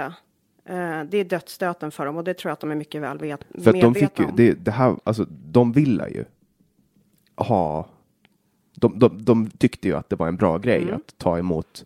Här, här kom ju, alltså som jag uppfattar det i alla fall, så väldigt många sökte sig till Sverige på grund av den politik som fördes. Att det på här grund var av vårt välfärdssystem. Och Ja, på och- grund av öppna och gränser. att det här var liksom en önskvärd grej att få hit väldigt, väldigt mycket människor. Så uppfattar jag hela flyktingkrisen från deras. Mm. Jo, men det var det på den tiden. Men nu ser vi ju konsekvenserna av det, det som har skett. Det vill säga, liksom, titta på alla kommuner. De går på knäna. De har inte råd att, att finansiera och upprätthålla den kvaliteten som vi hade i till exempel skolan, äldreomsorgen och i välfärden. För, för jag vet inte vad man har tänkt, men trodde man att det skulle vara gratis? Men- det är jättedyrt. Men man har ju hela tiden pratat om att, att vi i Sverige så ska man ta sitt ansvar. Man ska ha väldigt mycket människor från olika länder som kommer hit. Att det, det är eftersträvansvärt. Som jag upplever det så är det här det man har strävat efter. Ja, Att det man har- vill, man vill ha nya människor. Man vill ha in jättemycket Ja, nya det, människor. det har man gjort, men jag tror inte att, att många har förstått konsekvenserna av det också. Men de Det, kanske... det, det, det låter och ser jättefint ut på pappret, men det för med sig konsekvenser i verkligheten. Och är man inte beredd på att ta de här konsekvenserna, då kanske man ska omvärdera det. Det vill säga att ditt barn kommer att drabbas, för du kommer inte få tillräckligt med resurser i skolan. Är du beredd på att ta det? Okej, ja, men då kör vi. Men annars så kanske inte du ska klaga. Det var ju inte alls så jättelänge sedan som Moderaterna sa eh, stäng gränserna. Och då gick eh, Centerpartiets ungdomsförbund ut med att gränserna ska öppnas. Det är ju det som är lite kul, för att tittar man i, i Centerpartiets eh, valmanifest, eller vad man ska säga, deras politik, så vill de inte alls ha öppna gränser. Nej, de men det vill, är ju ha, ändå, ett, de vill ha ett kvotflyktingsystem. Ja, men det är ju deras ungdomsförbund. Ni har ju också inom Moderaterna. Även i deras ungdomsförbund, alltså när man tittar. Det är det som är lite märkligt. Mm. Det är väldigt mycket godhetssignalerande, men eh, det är ju inte riktigt det man vill ha heller. Nej, men jag vet inte. Jag, jag, jag känner bara, alltså. Jag tror ju så här, alltså Centerpartiet och, eller SUF som de heter, och MUF. MUF vill ju också ha öppna gränser, så de och pratar om. Men de vill ju ha det utifrån att vi avskaffar välfärdsstaten, vilket inte kommer att ske. Nej, Så och det är ju en det är ett mer libertarianskt perspektiv på det hela. Precis. Att man, en- man vill att människor ska kunna röra sig fritt, men, men att det inte ska finnas um, morötter i form av att kom hit så får du gratis pengar. Exakt. Så att det är ju en, en slags utopi de föreställer sig. Det kommer ju aldrig att bli verklighet, att vi avskaffar hela välfärdsstaten. Det kommer svenskarna aldrig gå med på. Sannolikt inte. Nej, jag tror inte det. Jag tror att alltså många vill ha en välfärdsstat, men de kanske inte vill ha en så stor välfärdsstat som vi har idag. Alltså, för jag blir, jag blir så här. ehm, jag, jag, jag är väldigt konsekvent i mina analyser, eller i min samhälls, samhällsanalys. Alltså, den politik man har fört har ju lett till det här. Och man är ju inte dum i huvudet i eh, regeringskansliet. Liksom. Alltså de statsråd som har suttit de senaste fyra åren, de har inte varit dumma i huvudet. Och, och regeringen Reinfeldt, de var inte dumma i huvudet. Alltså, de har vetat vad de har gjort. Och det här är resultatet. Jag vill... Jag håller inte riktigt med. Vissa har inte riktigt vetat vad de har gjort. För jag träffade en sån här gammal Reinfeldt-moderat, kan vi kalla honom. Eh, han, sitter En sosse alltså. ja, han sitter fortfarande i partiet, jag nämner inte vem det är. Eh, men jag, jag, kan, jag brukar betraktas som lite mer konservativ moderat och han är en Reinfeldt-moderat. Och eh, vi bestämde oss för att träffas för att vi har gnabbat mycket med varandra och vi ville förstå varandra. Och då frågade jag honom om det här, men hur fan tänkte ni? Och han sa att vi tänkte på hur det var alltså på 90-talet och, och alla andra gånger vi har tagit emot flyktingar, att det har varit väldigt bra för Sverige. Och han sa att han gick på riktigt runt och tänkte så här, tack för att ni har valt Sverige. Han tyckte det var jättebra. Och vet du vad han säger nu? Vad säger han nu? När han är klar med sitt uppdrag, då funderar han på att flytta utomlands. Varför? För han ser konsekvenserna av det han har skapat. Och han vill inte, liksom, han vill inte erkänna det. Det är, det är för skämmigt. Ja. Nej men alltså, för jag tänker, jag har så svårt att tro att människor inte ska förstå vad som händer. Alltså jag, det, jag, Men, alltså, jag, jag tror, får inte ihop ekvationen liksom. Nej, jag har väldigt svårt att få ihop det också, för jag har ju alltid tyckt som jag, som jag tycker just nu. Liksom. Eh, men jag tror att det, det kan bli, alltså, du kan bli blind om du bara umgås med samma typer av människor och alla sitter och bekräftar varandras världsbild. Då kan det nog bli väldigt lätt att, att du tror på det till slut. Ja, ja det är ju Sverige, Sveriges statsminister som känt har sagt vi har varit naiva. Det är en väldigt välanvänd fras som Ja. används väldigt ofta numera. Ja, alltså, så, ja. Och, och na- naivitet, det är ju ordet. Men, men jag menar, alltså jag, jag ser ju det här också på en mikroskala. Det är alltså jag tänker på till exempel, jag tar Åland som exempel. Ehm, jag har varit aktiv i Ålands politik i, i tio år. Och, och jag vet att det finns en viss arbetslöshet på Åland. Och den är ganska låg förhållandevis, men jag vet också att, jag vet att det är liksom svårt för en del att komma ut i arbetsmarknaden och, och så. Och Åland har en befolkning på 30 000. Och, och hur många flyktingar kom det under flyktingvågen 2015, 16? 14, 15, 16? Oj. Var typ 300 tror- 000. eller något sånt. 2015 så var det väl en 160 000 där någonstans. Eh, hej, kom. Kropp upp. Varsågod. Jag Tina. tror att eh, de senaste 20 åren har, vi ta, alltså har det kommit två miljoner människor till Sverige. Sen har inte alla varit flyktingar. Men det är en ganska snabb befolkningsökning. Mm. Och de senaste fem åren är, pratar vi om en halv miljon. Ja, och säg att, att det- man ska ha en sån befolkningsökning på Åland. Alltså för, för att det ska gå att få ihop, alltså med jobb till alla, med skola till alla, med bostäder till alla, då måste ju byggas extremt mycket bostäder. Man behöver bygga flera skolor, flera dagis. Man behöver liksom utvidga infrastrukturen.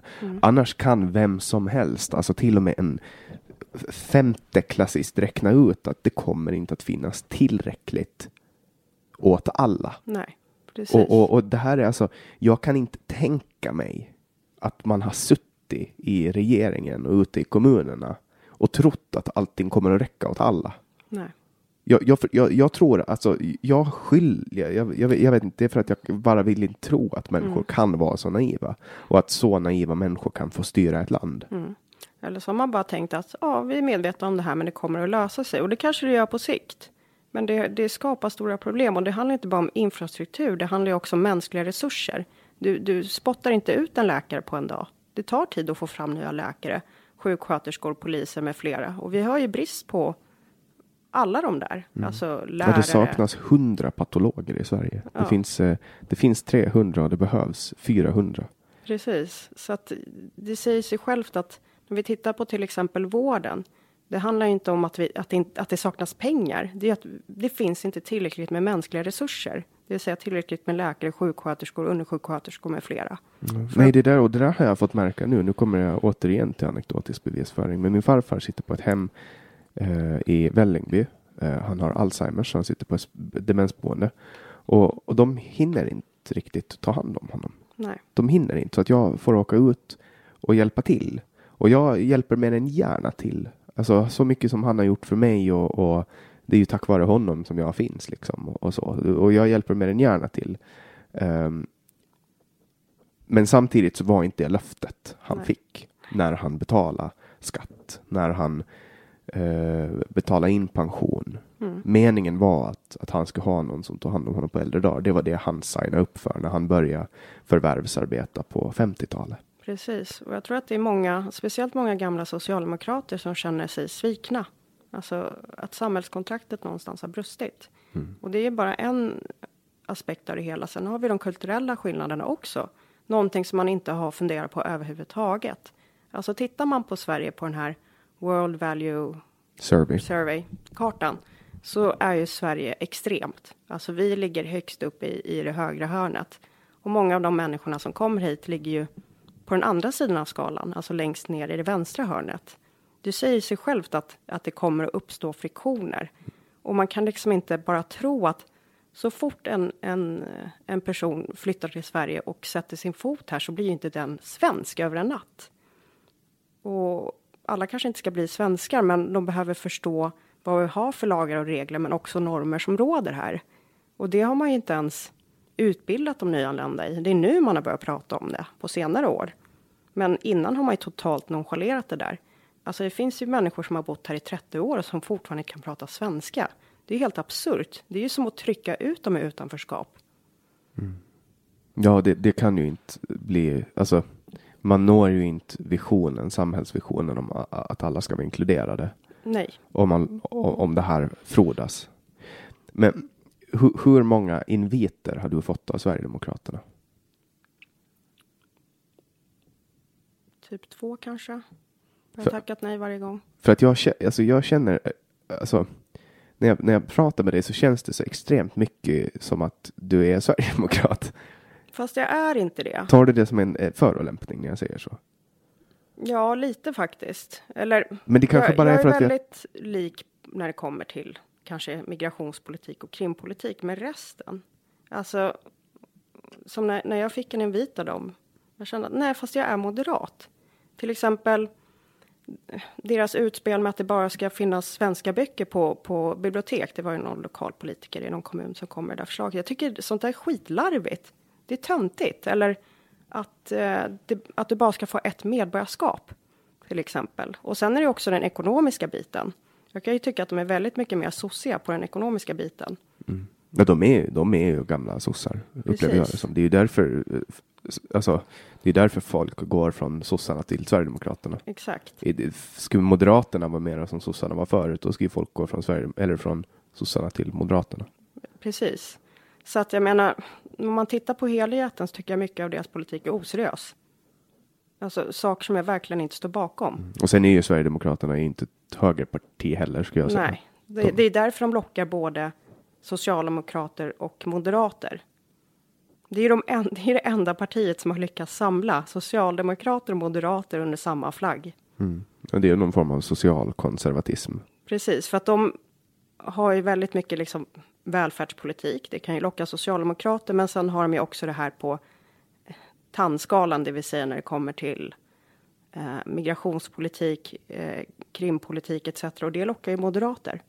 Mm. Ja, så Moderaterna har ju kört ganska mycket det här med hårda tag, liksom att vi ska ta tag i det här nu och Precis. vi ska reda upp det med hårdhandskarna. Ja, jag kan tycka ja, det är bra att vi vill ha hårdare straff och sånt. Men, eh, men hjälper, jag tycker hjälper det så mycket tror du? Hårdare ja, straff. det hjälper en del. Men jag tycker också att vi behöver börja prata mer om det förebyggande arbetet också. Det tycker jag vi pratar alldeles för lite om och det är också en viktig del i det hela. Och då pratar inte jag om, om fritidsgårdar utan satsa på skolan till exempel, men också vi måste kunna fånga upp de här ungdomarna för att se till att de aldrig hamnar i det läget att de vill gå med i ett kriminellt gäng. För det här är ju en övermäktig uppgift. Det är det utan tvekan. Men, det är alltså hur ska man kunna lösa det här? Men om vi enbart sitter och burar in, det kommer komma nya. Alltså vi måste ju bryta det här produktions, den här produktionslinjen, linan någonstans. Va, va, hur ska man göra det? Ska man förstatliga skolan? Ja, det kanske vi behöver göra för att skapa likvärdighet, men också. Jag tror ju. Och där kanske jag låter lite sossig, men jag tycker faktiskt friskolorna har orsakat mycket skada också. Och, och det var ändå Moderaterna som genomförde den reformen. Mm. Men de har liksom. De har inte reglerat det på något sätt. Uh, nu sitter jag själv i barn och ungdomsnämnden och vi har ju ingen insyn i, i, i friskolorna i princip. Eh, vi har inga kontrollmekanismer överhuvudtaget. Vi vet inte hur deras ekonomi ser ut eller hur de sköter den. Och tyvärr, alltså en konsekvens av att det har varit så oreglerat är ju glädjebetyg. Eh, men också liksom att de har ju någonstans, jag vill inte säga kunna välja sitt klientell, Eh, men de har oftast ett lättare elevunderlag att ha att göra med. Och sen har man väl också kanske lite utnyttja det här med att ge folk lite bättre betyg än vad de har förtjänat. Precis. Alltså jag, nej, jag, jag har börjat omvärdera min ståndpunkt och jag tycker inte vi ska ha eh, en marknad på skolan. Då tycker jag att alltså det är inte det den fria marknaden handlar om egentligen. Jag tro, tror att vi har fått den bluppen där. Utbildningen är, är väl eh, det är väl public service på riktigt. Ja. Det är ju den som ska vara i, i sam, samhällets tjänst om någonting, Ja, tänker jag. Sverige är ju liksom väldigt unik på det sättet. Vi är väl de enda i världen som har det här systemet. Ja, det är inte ju ens Finland har det. Nej. Och det, det här är ju också någonting som man, sen har sen är ju också Sverige väldigt speciellt på det sättet att man har folkbildning. En, en stark tradition av folkbildning och folkhögskolor och det finns inte så jättemycket sådana system runt om i världen om man tittar på det. Men jag tror också att det är en del av Sveriges framgång historiskt. Att man har satt så väldigt mycket, alltså Röda Kors har haft skolor, kyrkan har haft skolor, någon hembygdsförening har haft skolor. Och man har haft en väldigt stark kultur av det. Sen finns det ju en mörk del av den också, alltså med, med penalismen och, och hela den här delen. Men att det är ju den kunskap, den fria kunskap som har fått frodas i Sverige som, som har liksom skapat den här innovationskraften som har lett till den ekonomiska uppsvingen. Och sen också såklart lite nazikollaboration. Det har ju också hjälpt till lite med, med att alltså ur det ekonomiska perspektivet inte förstört industrin. Mm. Men, men i övrigt så har ju Sverige alltid varit ett land med väldigt hög bildning. Mm. Och vi såg ju vad som hände nu, nu i vintras, höstas, när det var just med PISA-undersökningen, att man exkluderar en väldigt stor del Mm. av eleverna. Eh, just för att väldigt många inte kunde svenska eller var eh, av andra, andra anledningar tog ner resultatet. Precis. Ja, men så är det. Jag tror att, att vi har förstört skolan i Sverige. Finns det För- hopp då? Ja, det tror jag. Så vad skulle regeringen Hedborg göra åt det? Börja titta lite mer på vad Finland gör. Införa skolplikt istället för eller läroplikt istället för skolplikt. Ja, eh, men också, alltså skolan har ju blivit förstörd för att man har bara lagt, liksom, ja nu ska vi försöka laga den, så lägger vi på någon ny reform och någon ny och någon ny och någon ny. Och det har bara blivit värre. Och sen är det också liksom hela kulturen kring lärandet. Det vill säga att i skolan, så här, du ska vara i skolan för att lära dig någonstans. Jag tycker det har kommit bort. Eh, I och med att vi har skapat eh, en marknad, alltså en- en, skola där, där det är marknaden som styr, så har vi tappat en del av det här med ordning och reda, till exempel i skolan. Det vill säga att, att eh, lärarna, skolorna blir ängsliga för att upprätthålla ordningen i skolan eftersom att de är rädda att tappa elevunderlag och då tappar de ju en del av sin ekonomi. Och det har skapat en en dålig kultur i skolan. Alltså en, vad ska man säga det? En destruktiv kultur. Att det är, det Det är barn, hand- barnen som bestämmer. Precis, en kränkhetskultur någonstans. Och så kan vi inte ha det. Det finns vissa som påstår att det är stökigt i skolorna. Det är stökigt. Men sen beror det på vilken skola man åker till. Åker man till internationella engelska skolan så ser det ganska annorlunda Mm. ut jämfört med någon eh, annan skola på något annat område. Alltså det, det, det är ju väldigt, och där är ju också ett problem, ett segregationsproblem. Att det finns vissa skolor som är jättebra. Där, där det är liksom disciplin och lärande Mm. och folk trivs etc. Och sen finns det skolor där, det, där lärarna går på knäna och allt är åt helvete liksom. Precis. Och jag tror att vi har mycket att lära oss av Engelska skolan där. Jag menar, det säger sig självt att de har en miltals lång kö. Och det är för att föräldrarna efterfrågar. De vill ha ordning och reda i skolan. Och sen är det ju en ganska bra grej också att man förbereder barn, alltså just att man bara undervisningen sker på engelska. Mm. Det är väldigt bra. Man förbereder barnen för att bli internationella liksom. För att det är ju internationell handel och utbyte på den Mm. Globala marknaden som, som ekonomisk tillväxt, eh, det är där den på, på den stora skalan sker.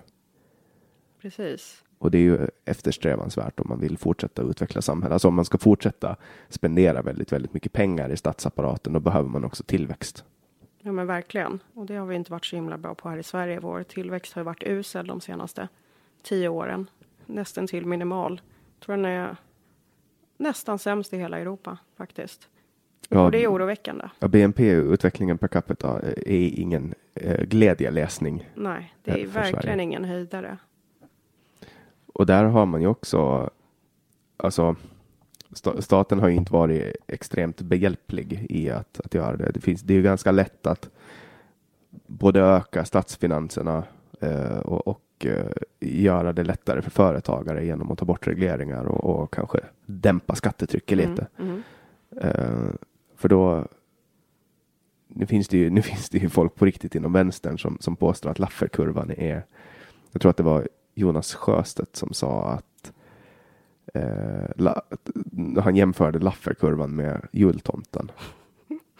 Men alltså det är helt bisarrt och det är det jag tror att många inte förstår när de röstar vänster. Att det låter jättebra med höga skatter, men de förstår inte att det egentligen eh, hämmar tillväxten och egentligen gör oss fattigare istället för mer rika. Och så gör det de rikare rikare, för de rikare drar utomlands och gör affärer där det är lättare att göra affärer. Precis, så att det är inte som att vi vill sänka skatterna för att åh, nu ska vi göra folk rikare och alla andra ska få det sämre, utan det handlar ju om att gynna oss alla.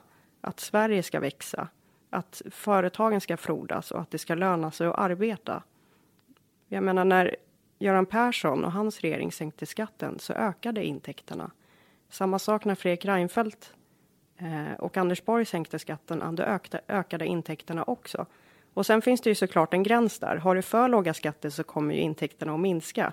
Men har du för höga skatter så kommer de också att minska. Det finns lite utrymme på minussidan att ta av tror jag. Precis. För- så att där, där är liksom, men, men det är ju tabu att eh, föreslå skattesänkningar. Alltså för, för Socialdemokraterna att göra det, det är lite en prestigegrej tror jag. Mm. Ja, för att de, de, deras grej är ju att höja skatter. Det är deras brand. Bisarrt, för jag tror aldrig att du skulle kunna vinna ett val i USA genom att säga att du ska gå ut och höja skatterna. Du vinner inte val på det där, men här i Sverige kan du ju uppenbarligen göra det. Mm. Och det är för att jag tror att eh, folk förstår inte nationalekonomi överhuvudtaget och hur det fungerar. Så jag är väldigt mycket inne på att vi, vi borde ha ekonomisk, alltså ekonomi som ett eget ämne i skolan. Ja, och också kanske privatekonomi. Det ska Ja. inte vara så illa. Precis. Det tror jag skulle gynna oss alla. För jag menar, vi, vi sitter och räknar matte så att vi spyr här i Skandinavien. Men det är väldigt lite man lär sig om privatekonomi. Mm. Så var det åtminstone på min skoltid. Så var det på min skoltid också. Då läste jag ändå ekonomi på gymnasiet, men det var inte så himla mycket jag fick lära mig ändå. Mm. Vad, vad läste du efter gymnasiet? eh, då läste jag en Bachelor of Business Management and Supply Chain Logistics Management. Så att i, i det ingick ju nationalekonomi och eh, statistik och lite annat. Jobbar du inom det området nu? Nej, jag jobbar, eller jo, jag jobbar med inköp. Strategiskt inköp. Och, och har du sikte på riksdagen nästa val? Nej, jag vet inte riktigt. Jag är ganska nöjd där jag är faktiskt. Det är en ganska skön position att jag är ju tämligen fri. Det vill säga jag behöver inte gå runt hela tiden och känna att jag är granskad 24-7 som person i riksdagen. Ehm, och samtidigt där, det är ju det som kan vara det tråkiga med partipolitik ibland. Det är ju att du tvingas, du tvingas ju följa partilinjen. Så är det ju. Eh, och jag tror att jag är lite för individualistisk för det. Ja, alltså det har ju visat sig att det går att vara Hanif Bali. Det går, eh, men jag vet inte. Kanske i framtiden, men jag är inte jättesugen på det just nu. Utan jag trivs ganska bra där jag är. du blev eh, kallad av eh, blondin, du blev kallad blondin Bali av Myra i, Mm. från haveristerna. Ja, det var i somras. Det är, jag tycker att det är jättekul. Det var väldigt kul. Det är ett väldigt roligt smeknamn. Ja, ja men det var väldigt... Eh, alltså, tror vi var ganska många moderater som kände oss väldigt utsatta där i somras. Det var, de var väldigt på oss. När den haveristiska fläkten blåste som mest eller? Mm, precis. Eh, ett tag så skrev vi tidningarna om eh, olika moderater som twittrar var och varannan dag. De bedrev en häxjakt gentemot vissa moderater. Inte mot mig, men andra. Mot eh, självaste Bali. Mot Bali, mot eh, eh, Jan Eriksson, eh, Ubbhult med flera. Mm. Så att och det är ju en strategi som vänstern har kört med väldigt länge och där tror jag att Moderaterna får inte falla för det där. Men tidningarna, de är vänstern enligt dig? Eller? Många av dem, absolut. Inte alla. Men jag tycker det blir väldigt tydligt att det finns en agenda när samtliga bedriver en häxjakt mot enskilda ledamöter. För jag menar, de har ju någonstans fått ett förtroende från folket och det prövas ju vid nästa val. Det är inte tidningarna som ska sitta och säga där vem som ska ha förtroende eller inte. Jag kan ändå förstå deras rädsla. Jag kan ändå förstå att Peter Wolodarski är rädd när han går och lägger sig på kvällarna. Ja. Alltså, jag menar, det han upplever, nu, nu använder jag Wolodarski som en manifestation av hela tidningsvärlden, men jag kan ändå förstå att man reagerar på en upplevd rädsla. Mm, absolut. Men om det, det säger också någonstans att då finns det ju en agenda, tycker jag. Om du känner dig så pass hotad av enskilda ledamöter eller enskilda debattörer. Jag pratade med Jean Frick om det för något avsnitt sen.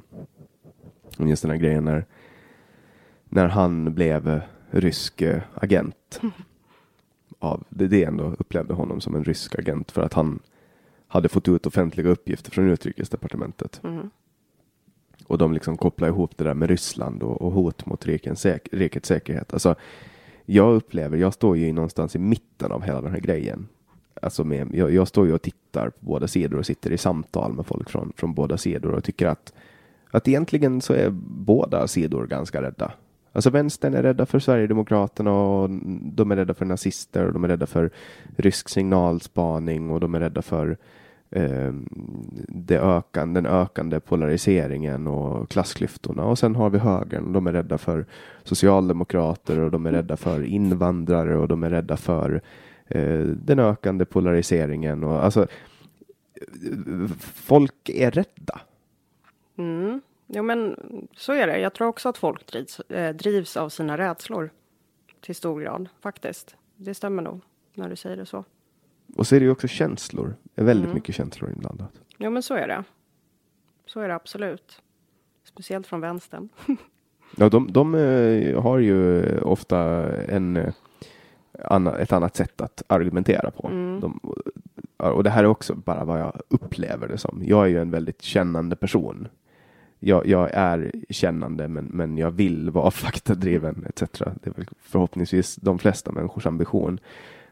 Men det är lätt, tror jag, att bli tilltalad av vänsterns retorik om, om man är en kännande människa mm. och lätt att bli attraherad av högerns politik om man är lite mera analytiskt lagd, mm. så att säga. Mm. Ja, men det håller jag med om. Det tror jag också. Eh, det märker jag själv när vissa från vänstern ska gå upp och göra ett anförande, till exempel i kommunfullmäktige. Det är oftast väldigt känsloladdat och inte så mycket vad ska man säga, faktabaserat. Som vi till höger brukar gilla att argumentera på. Men sen är det klart att det finns eh, känslomänniskor till höger också. Så är det ju. Mm. Ja, vad tycker, du om, vad tycker du om systemet som finns i Sverige då? Att man har partilistor och så sätter partiets valberedning upp listorna och sen jag tycker att det är åt helvete rent krasst. Jag tycker vi ska ha lite mer som Finland, ett personvalssystem istället.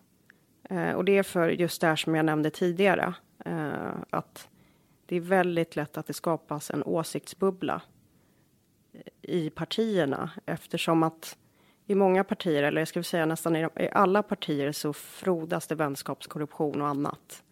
Det vill säga, det handlar inte om vad du är eller vad du presterar, utan vem du känner egentligen. Och det är på så sätt du kommer in i ett parti och kommer in i riksdagen.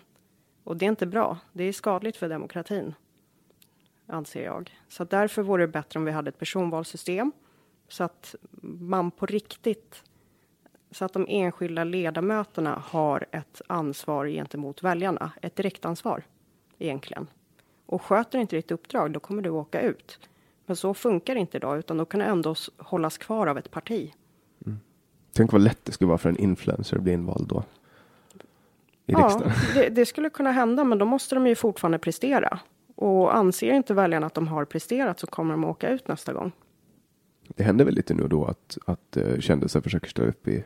Mm, men det har inte gått så bra som man kanske har trott. Det vill säga att de skulle komma in eller blivit inkryssade. Det gick ju helt okej för Alice Bakunke.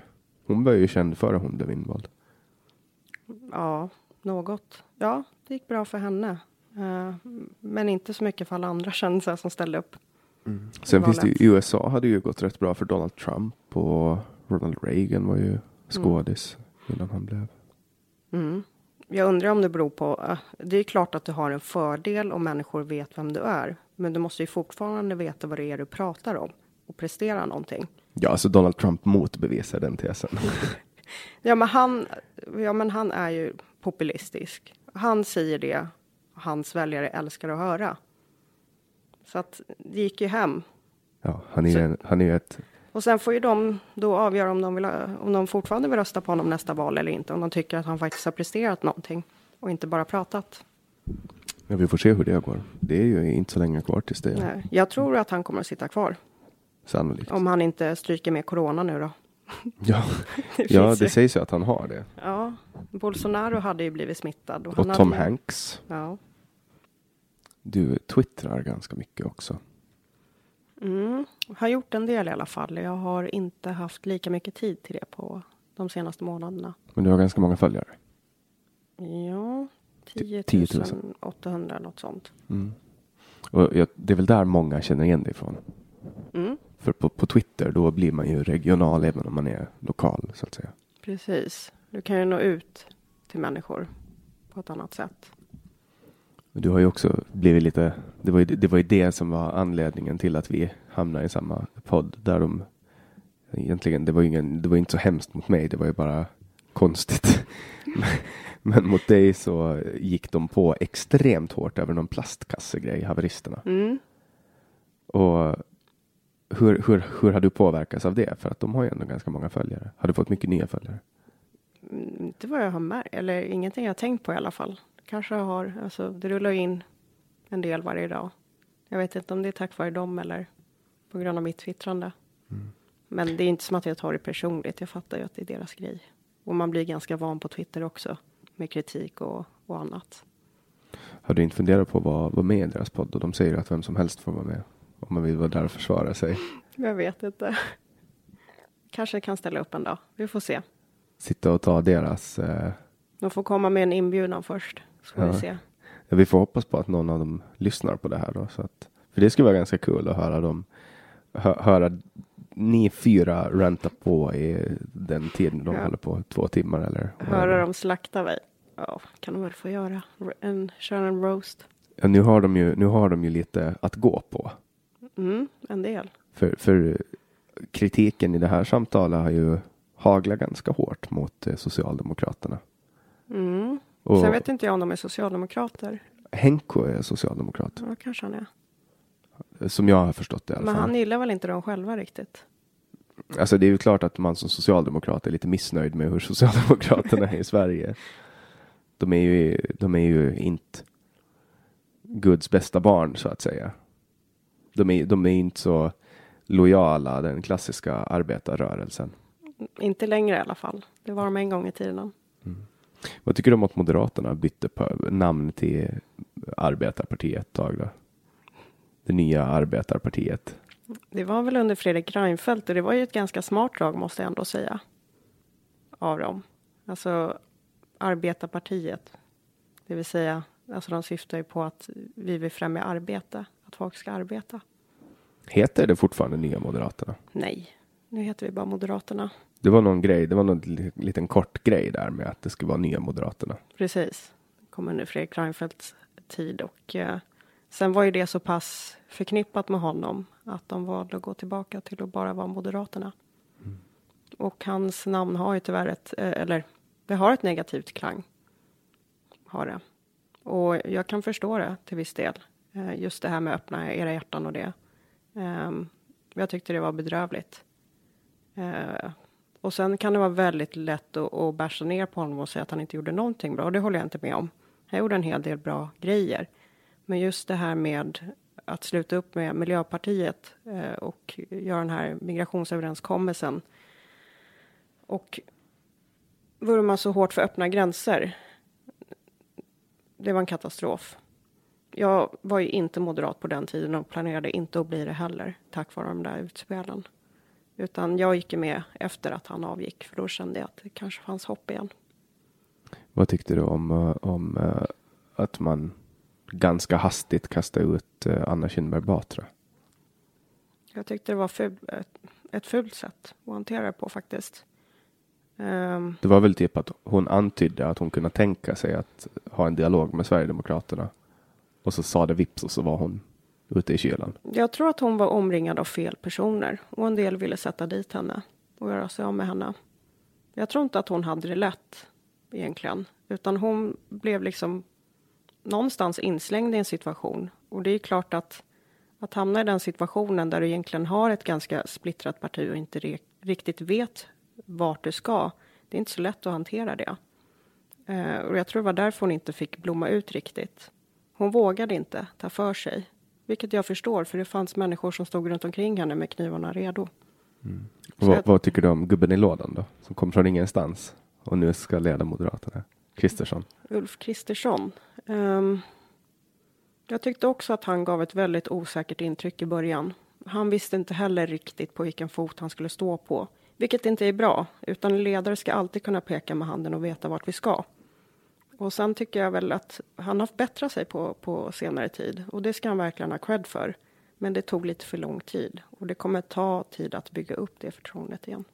Det var roligt när han var full på valvakan. Var han? Ja, han satt i SVT studio och var full och gjorde så här valanalys när allting hade kommit. Det har jag helt missat. Mm, det var lite kul tycker jag. Jag minns det ganska bra för att han var ju rätt ny då alltså i valet han kom ju inte, var inte alls något länge före, var typ ett halvår före, så bara whoop, här är jag, nu ska jag fronta er, typ så. Eh, så det var väl. Ja, han har väl varit relativt anonym för många av väljarna innan tror jag, men välkänd i partiet. Mm. Har han varit. Jag tycker att han gör ett bra jobb idag, men som sagt, han har tappat förtroende hos en del av våra väljare som har gått till Sverigedemokraterna istället och det var för att det var för otydligt i början. Han visste inte riktigt, eller han, partiet visste inte riktigt i, i vilken riktning vi skulle gå i. Alltså med tanke på vad som händer med AKB så är det ju inte så jätte eh, konstigt att man är försiktig. Nej, nej alltså hon, hon, som jag minns det där, jag har inte jätteklart minne över men som jag minns det så var det att hon antydde att hon kunde tänka sig att ha en dialog med Sverigedemokraterna. Mm. Och typ släppa in dem i vissa utskott eller något sånt. Alltså det var någonting sånt, mm. att de skulle få vara utskottsordförande eller liknande. Och då, då sa det bara tjoff och så försvann hon.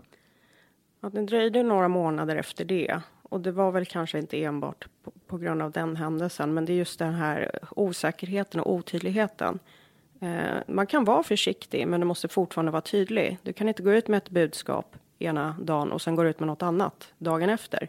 Som Utan, Socialdemokraterna kan. Ja, ja men vi, Moderaterna har också tyvärr gjort det alldeles för mycket. Det, det skapar ett osäkert intryck. Varför ska någon rösta på dig när du inte själv vet vad du vill eller vart du ska? Mm. Vad tror du kommer att hända vid nästa val då? Det är ju inte så jättelänge kvar. Oj. Jag tror att det kommer bli regeringsskifte. Jag tror inte att sossarna överlever det här. Så Miljöpartiet åker ut eller? Nej, jag tror de kommer hänga kvar tyvärr. Tror du det? De ligger mm. ju närmare 3 procent nu. Enligt... Det, är, det är väldigt sällan att parti åker ut när de har tagit sig igenom den här 4% spärren. Och det är ju för att de får stödröster. Från Socialdemokraterna, precis som att KD brukar få stödröster av moderata väljare. Nu behöver väl inte de det idag, men det höll ju på så ett bra tag. Mm. Ja, för att det var ju, alltså det var ju otroligt nära. Det var några tusen röster från mm. att de skulle falla ut. Det var extremt nära och jag tror att eh, de gynnades nog av rapporteringen den sommaren, för vi hade ju skogsbränder i Sverige då. Mm. Och då blev det väldigt mycket rapportering om just det här med klimatet och så vidare. Och jag tror att det var det som räddade dem. Annars hade de fallit ur. Mm.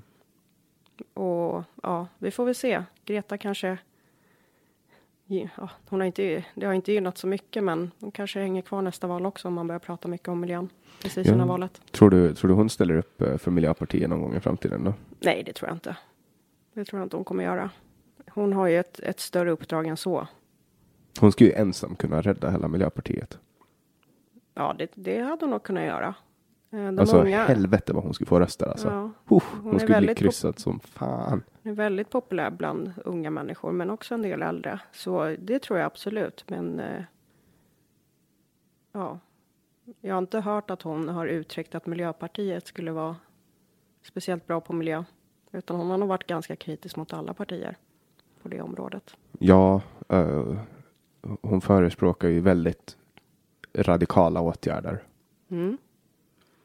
Det gör hon. Hon tycker väl typ att Parisavtalet är för vägt. Ja, och en del av de här i, i miljörörelsen har ju till och med börjat prata om att avskaffa demokratin mer eller mindre för att eh, klimatomställa. Och det tror inte jag på överhuvudtaget. Nej, alltså Hitler gjorde ju samma sak. Han avskaffade ju demokratin för att ehm, folk omställa. Och Ja. det blev ju inte så bra. Det blir inte bra. Demokrati är det bästa vi har. Det vore helt galet att försöka omkullkasta det. Samtidigt är ju demokrati också ganska fucked. Att eh, så länge man lyckas få 51 procent att tycka en tanke så får de 51 procenten göra precis vad de vill. Mm. Men det är bättre än en enväldig härskare. Ja, det håller jag med om. Så att det, det är inte ett perfekt system, men det är det bästa vi har i dagsläget i alla fall. Eller så bara avskaffar man mänskligheten. Man låter alla göra det de vill. Så här, man bara släpper allting fritt. Det skulle inte bara bli anarki då? Jag vet inte om det är så farligt med anarki egentligen. Jag, jag, alltså, Folk skulle kunna gå och döda varandra lite hur som helst. Skulle inte det ah, inte sån bli anarki. lite som djurriket liksom? Ja, Det- inte, inte sån anarki, men någon form av eh, anarkokapitalism i alla fall. Att man har en, man har en stat som frivilligt eh, upprätthålls med, med ekonomiska, friv, frivilligt ekonomiska medel. Jag är inte helt främmande för den tanken, alltså även om, om jag inte är anarkokapitalist eh, så kan jag tycka att de tankarna är väldigt intressanta därför att man har aldrig riktigt testat det. Eh, man vet ju vad socialismen leder till. Det, det finns ju massa sociala experiment som har Mm. visat men en minimalstat så har man inte lyckats. Vi kanske ska börja på Åland. Det är väl ett bra ställe att testa på. Problemet där är att om man ska genomföra en sån kupp och, och utropa sig självständig då tas man nog och fängslas av finska regeringen. Så jag, jag tror att det Okej, om vi leker med tanken att, att eh, ni var helt självständiga då. Ja, då ska man kunna testa och se vad som händer. Alltså, jag menar, hur, hur gjorde man förut? Förut så tog man hand om, om, om saker själv liksom. Jag tycker att det, jag, jag håller fortfarande på att genomgå min politiska utvecklingsfas. Mm. Men hur tänker du med mm, rättsskipning till exempel? Jag, ty, jag tycker att det ska vara en av de grundläggande delarna som staten inom citationstecken ska ha hand om, alltså folket. Eh, Det ska finnas en lag som, som eh, bestämmer vad för straff man får om man tar någon annan människas frihet eller tar någon annan människas egendom eller berövar någons liv etc. Mm. Och, och att det ska vara någonting som finansieras gemensamt eftersom det är till allmänt eh, till, till allmän användning. Mm. Och detsamma gäller polis till exempel och, och skydd av gränser. Hur tänker du på till exempel socialtjänst då? Med utsatta barn och, och så vidare. Jag tror ju på att människan har en inneboende vilja att vilja hjälpa.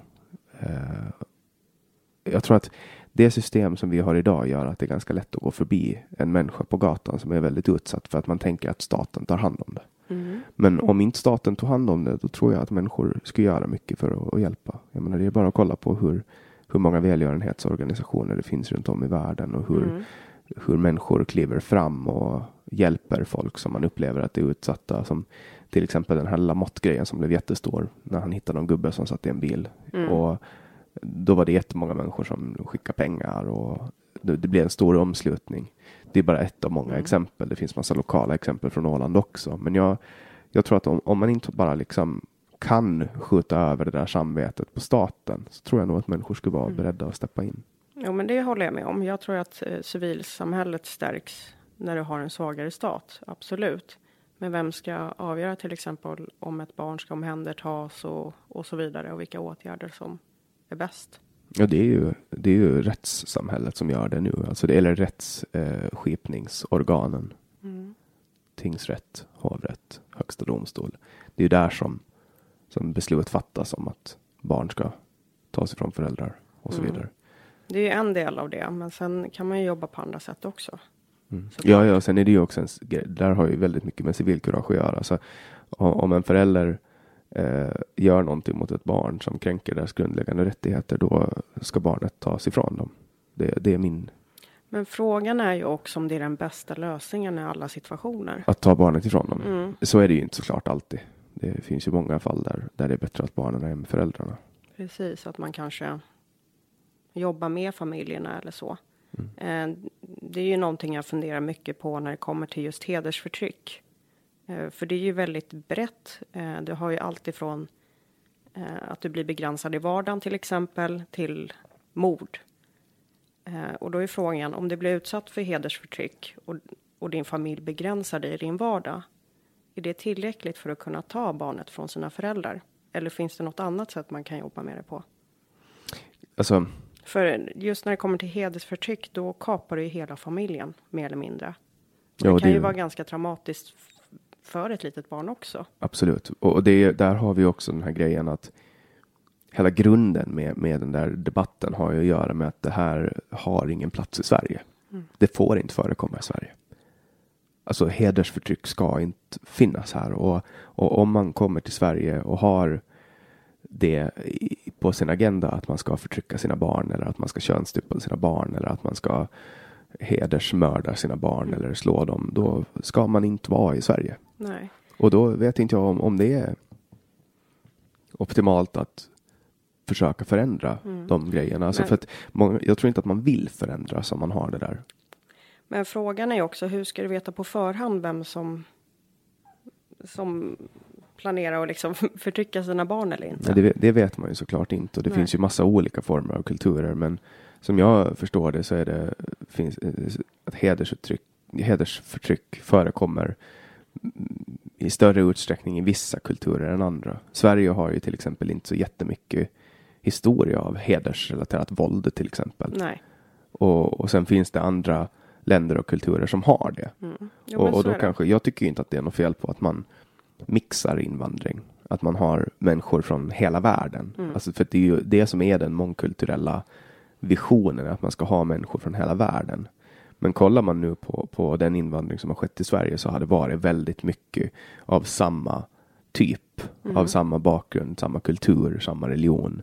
Det har liksom inte, man har inte mixat upp det, man har inte tagit så jättemånga kineser, vietnameser, amerikaner, afrikaner, eh, europeer. Alltså det är liksom, det är väldigt mycket från Mellanöstern.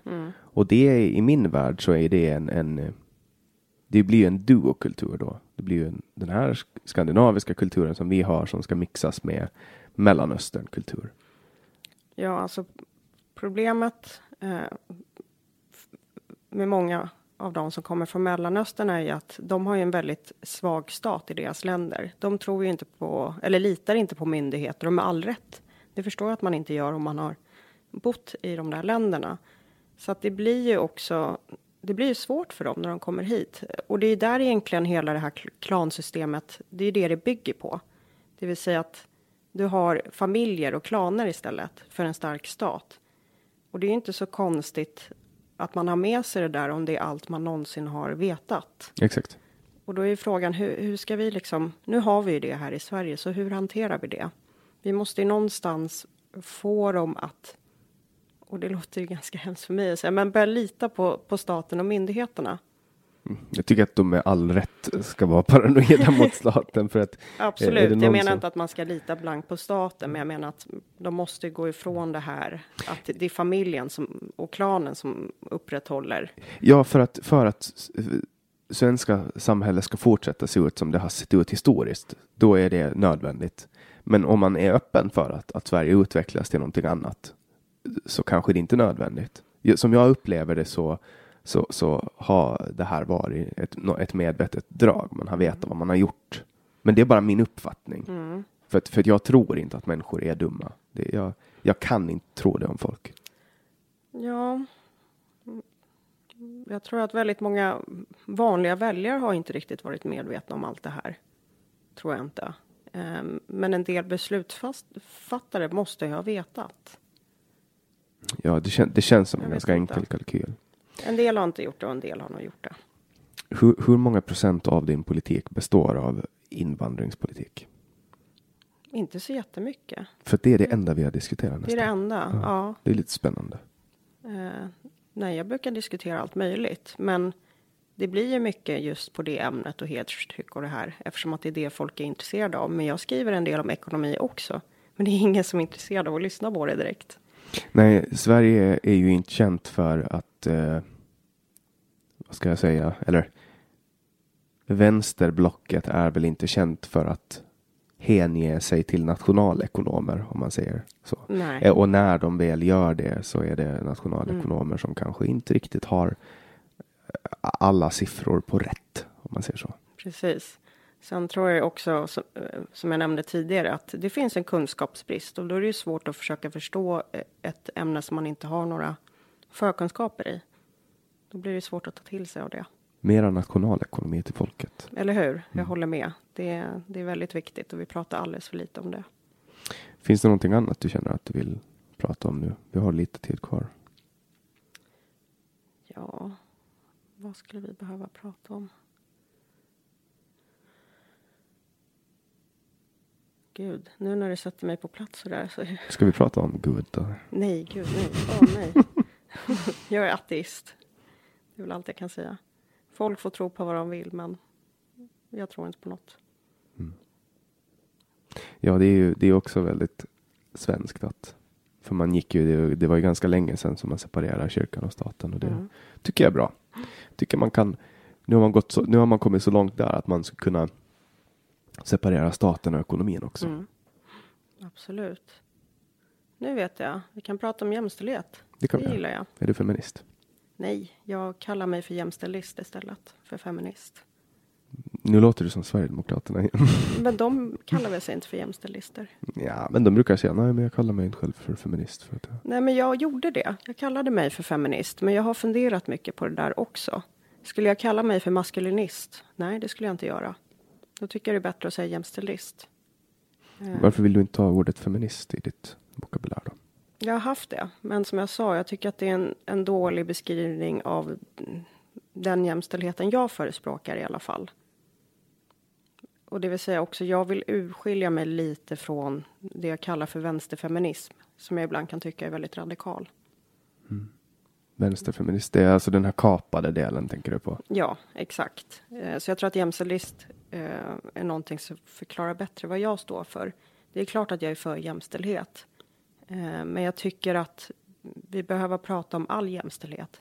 Det vill säga även problem som drabbar män till exempel. Det tycker jag vi pratar alldeles för lite om. Jag tolkar det som att du är för frånvaro av förtryckande system. Ja, exakt. Och det är en ganska rimlig åsikt, tänker jag. Ja, Men det är väldigt många som tar illa upp av att man vägrar ta ordet feminist. men jag förstår inte varför. Varför måste man kalla sig det? Man kan ändå vara för jämställdhet. Men folk säger att ja, men feminism handlar om att det ska vara jämnt mellan båda könen och så är det. Och kan du inte kalla dig det så är du en nazist, blodsugande, jag kan kalla mig jämställdist och ändå tycka att det ska vara jämnt mellan könen. Och, och jag tror att det är där, jämnt mellan könen, så här, jag tycker alla ska ha samma eh, rättigheter, skyldigheter och möjligheter. Det betyder inte att utfallet måste bli detsamma. Då är du inte för socialt, social engineering. Nej. Utan jag tycker människor ska få fria och välja vad de vill jobba med eller allt annat. Och då blir ju utfallet ett icke jämställt samhälle. Ja, det kommer inte bli 50-50 överallt, men jag tycker det är okej. För då har människor fått välja själva. Jag menar, hur kan man vara emot den tanken? Att människor ska få välja själva. Sen kan jag ju hålla så- med om att vi... Man behöver liksom, när det kommer till så här traditionella könsmönster och sånt, det kan vi definitivt utmana och snacka om. Eh, är du man så ska väl du också få jobba som sjuksköterska eller kvinna, eh, jobba inom bygg om du vill. Det ska inte vara liksom stigmatiserat. Eh, men jag tycker inte vi ska pusha in folk i det heller, bara för att det ska se fint ut på pappret någonstans. Utan de ska få välja själva. Mm. Och här i Sverige så är ju folk väldigt fria. Ja, vi är väldigt fria. Och har väldigt bra alltså möjligheter att kunna bestämma. Exakt. Så det är därför jag tycker att man försöker liksom skapa eller pro problematisera trots att jag inte ser att det finns så mycket problem. Till exempel som jag nämnde då att det måste vara eh, exakt 50-50 inom alla yrken till exempel. Varför måste det vara det? Jag menar, det kanske finns en anledning till att eh, de flesta kvinnor inte vill jobba inom byggbranschen, för det är tungt. Det är fysiskt tungt. Eh, jag skulle inte vilja göra det, till exempel. Men sen om man vill göra det så, så, är det klart att man ska få göra det utan att det ska vara några konstigheter. Sen pratar ju folk också om att det är attityder inom byggbranschen som kan vara problematiska. Att man inte vill vara i ett gäng grabb, ett grabbgäng med fullt av sexister och att det är strukturer som gör att man väljer. Så kan det absolut vara, men det är ingenting jag har upplevt. Jag har alltid jobbat i mansdominerade branscher där det har varit typ 75-80 procent män på, på min arbetsplats och jag har aldrig liksom upplevt mig diskriminerad på något sätt utan tvärt så tycker jag det har funkat väldigt bra. Sitter du och drar eh, kukskämt med gubbarna på kafferasten? Ja, kanske inte kukskämt, men vi skämtar väldigt mycket. Och det tycker jag är väldigt kul och befriande. Att det är liksom, det är högt i tak. Och då menar inte jag olämpliga grejer direkt. Vi sitter inte och, ja, som du säger, så här locker room snack eller så. Utan bara att man kan prata fritt. är väldigt skönt. Mm. Och det är ju ingenting man kan göra i det här jävla landet. jag gör det, men ja. Mm. Jag är så van också. Och med det har vi nått uh, slutet på det här samtalet. Det har varit jättekul att ha dig här. Tack så mycket. Och jag hoppas att ni som har lyssnat ända till slutet eh, tycker att det är härligt att lyssna på den här podden och jag hoppas också att ni kan gå in och tipsa om nya gäster och det kan ni göra på vår hemsida www.samtal.ax. Där hittar ni också länkar eh, och eh, information om hur man gör en inbetalning till den här podden som för övrigt är helt frivillig men såklart äter upp lite av mina ekonomiska resurser och därför så hjälper era stöd mig extremt mycket. Ni kan bli Patreons genom att gå in på www.patreon.com samtal och ni kan swisha. Numret hittar ni på hemsidan eller i beskrivningen till den här podden. Vi släpper nya samtal alla onsdagar. Eh, producent för det här samtalet var Didrik Svan. Jag heter Jannik Svensson och du har lyssnat på podcasten Samtal.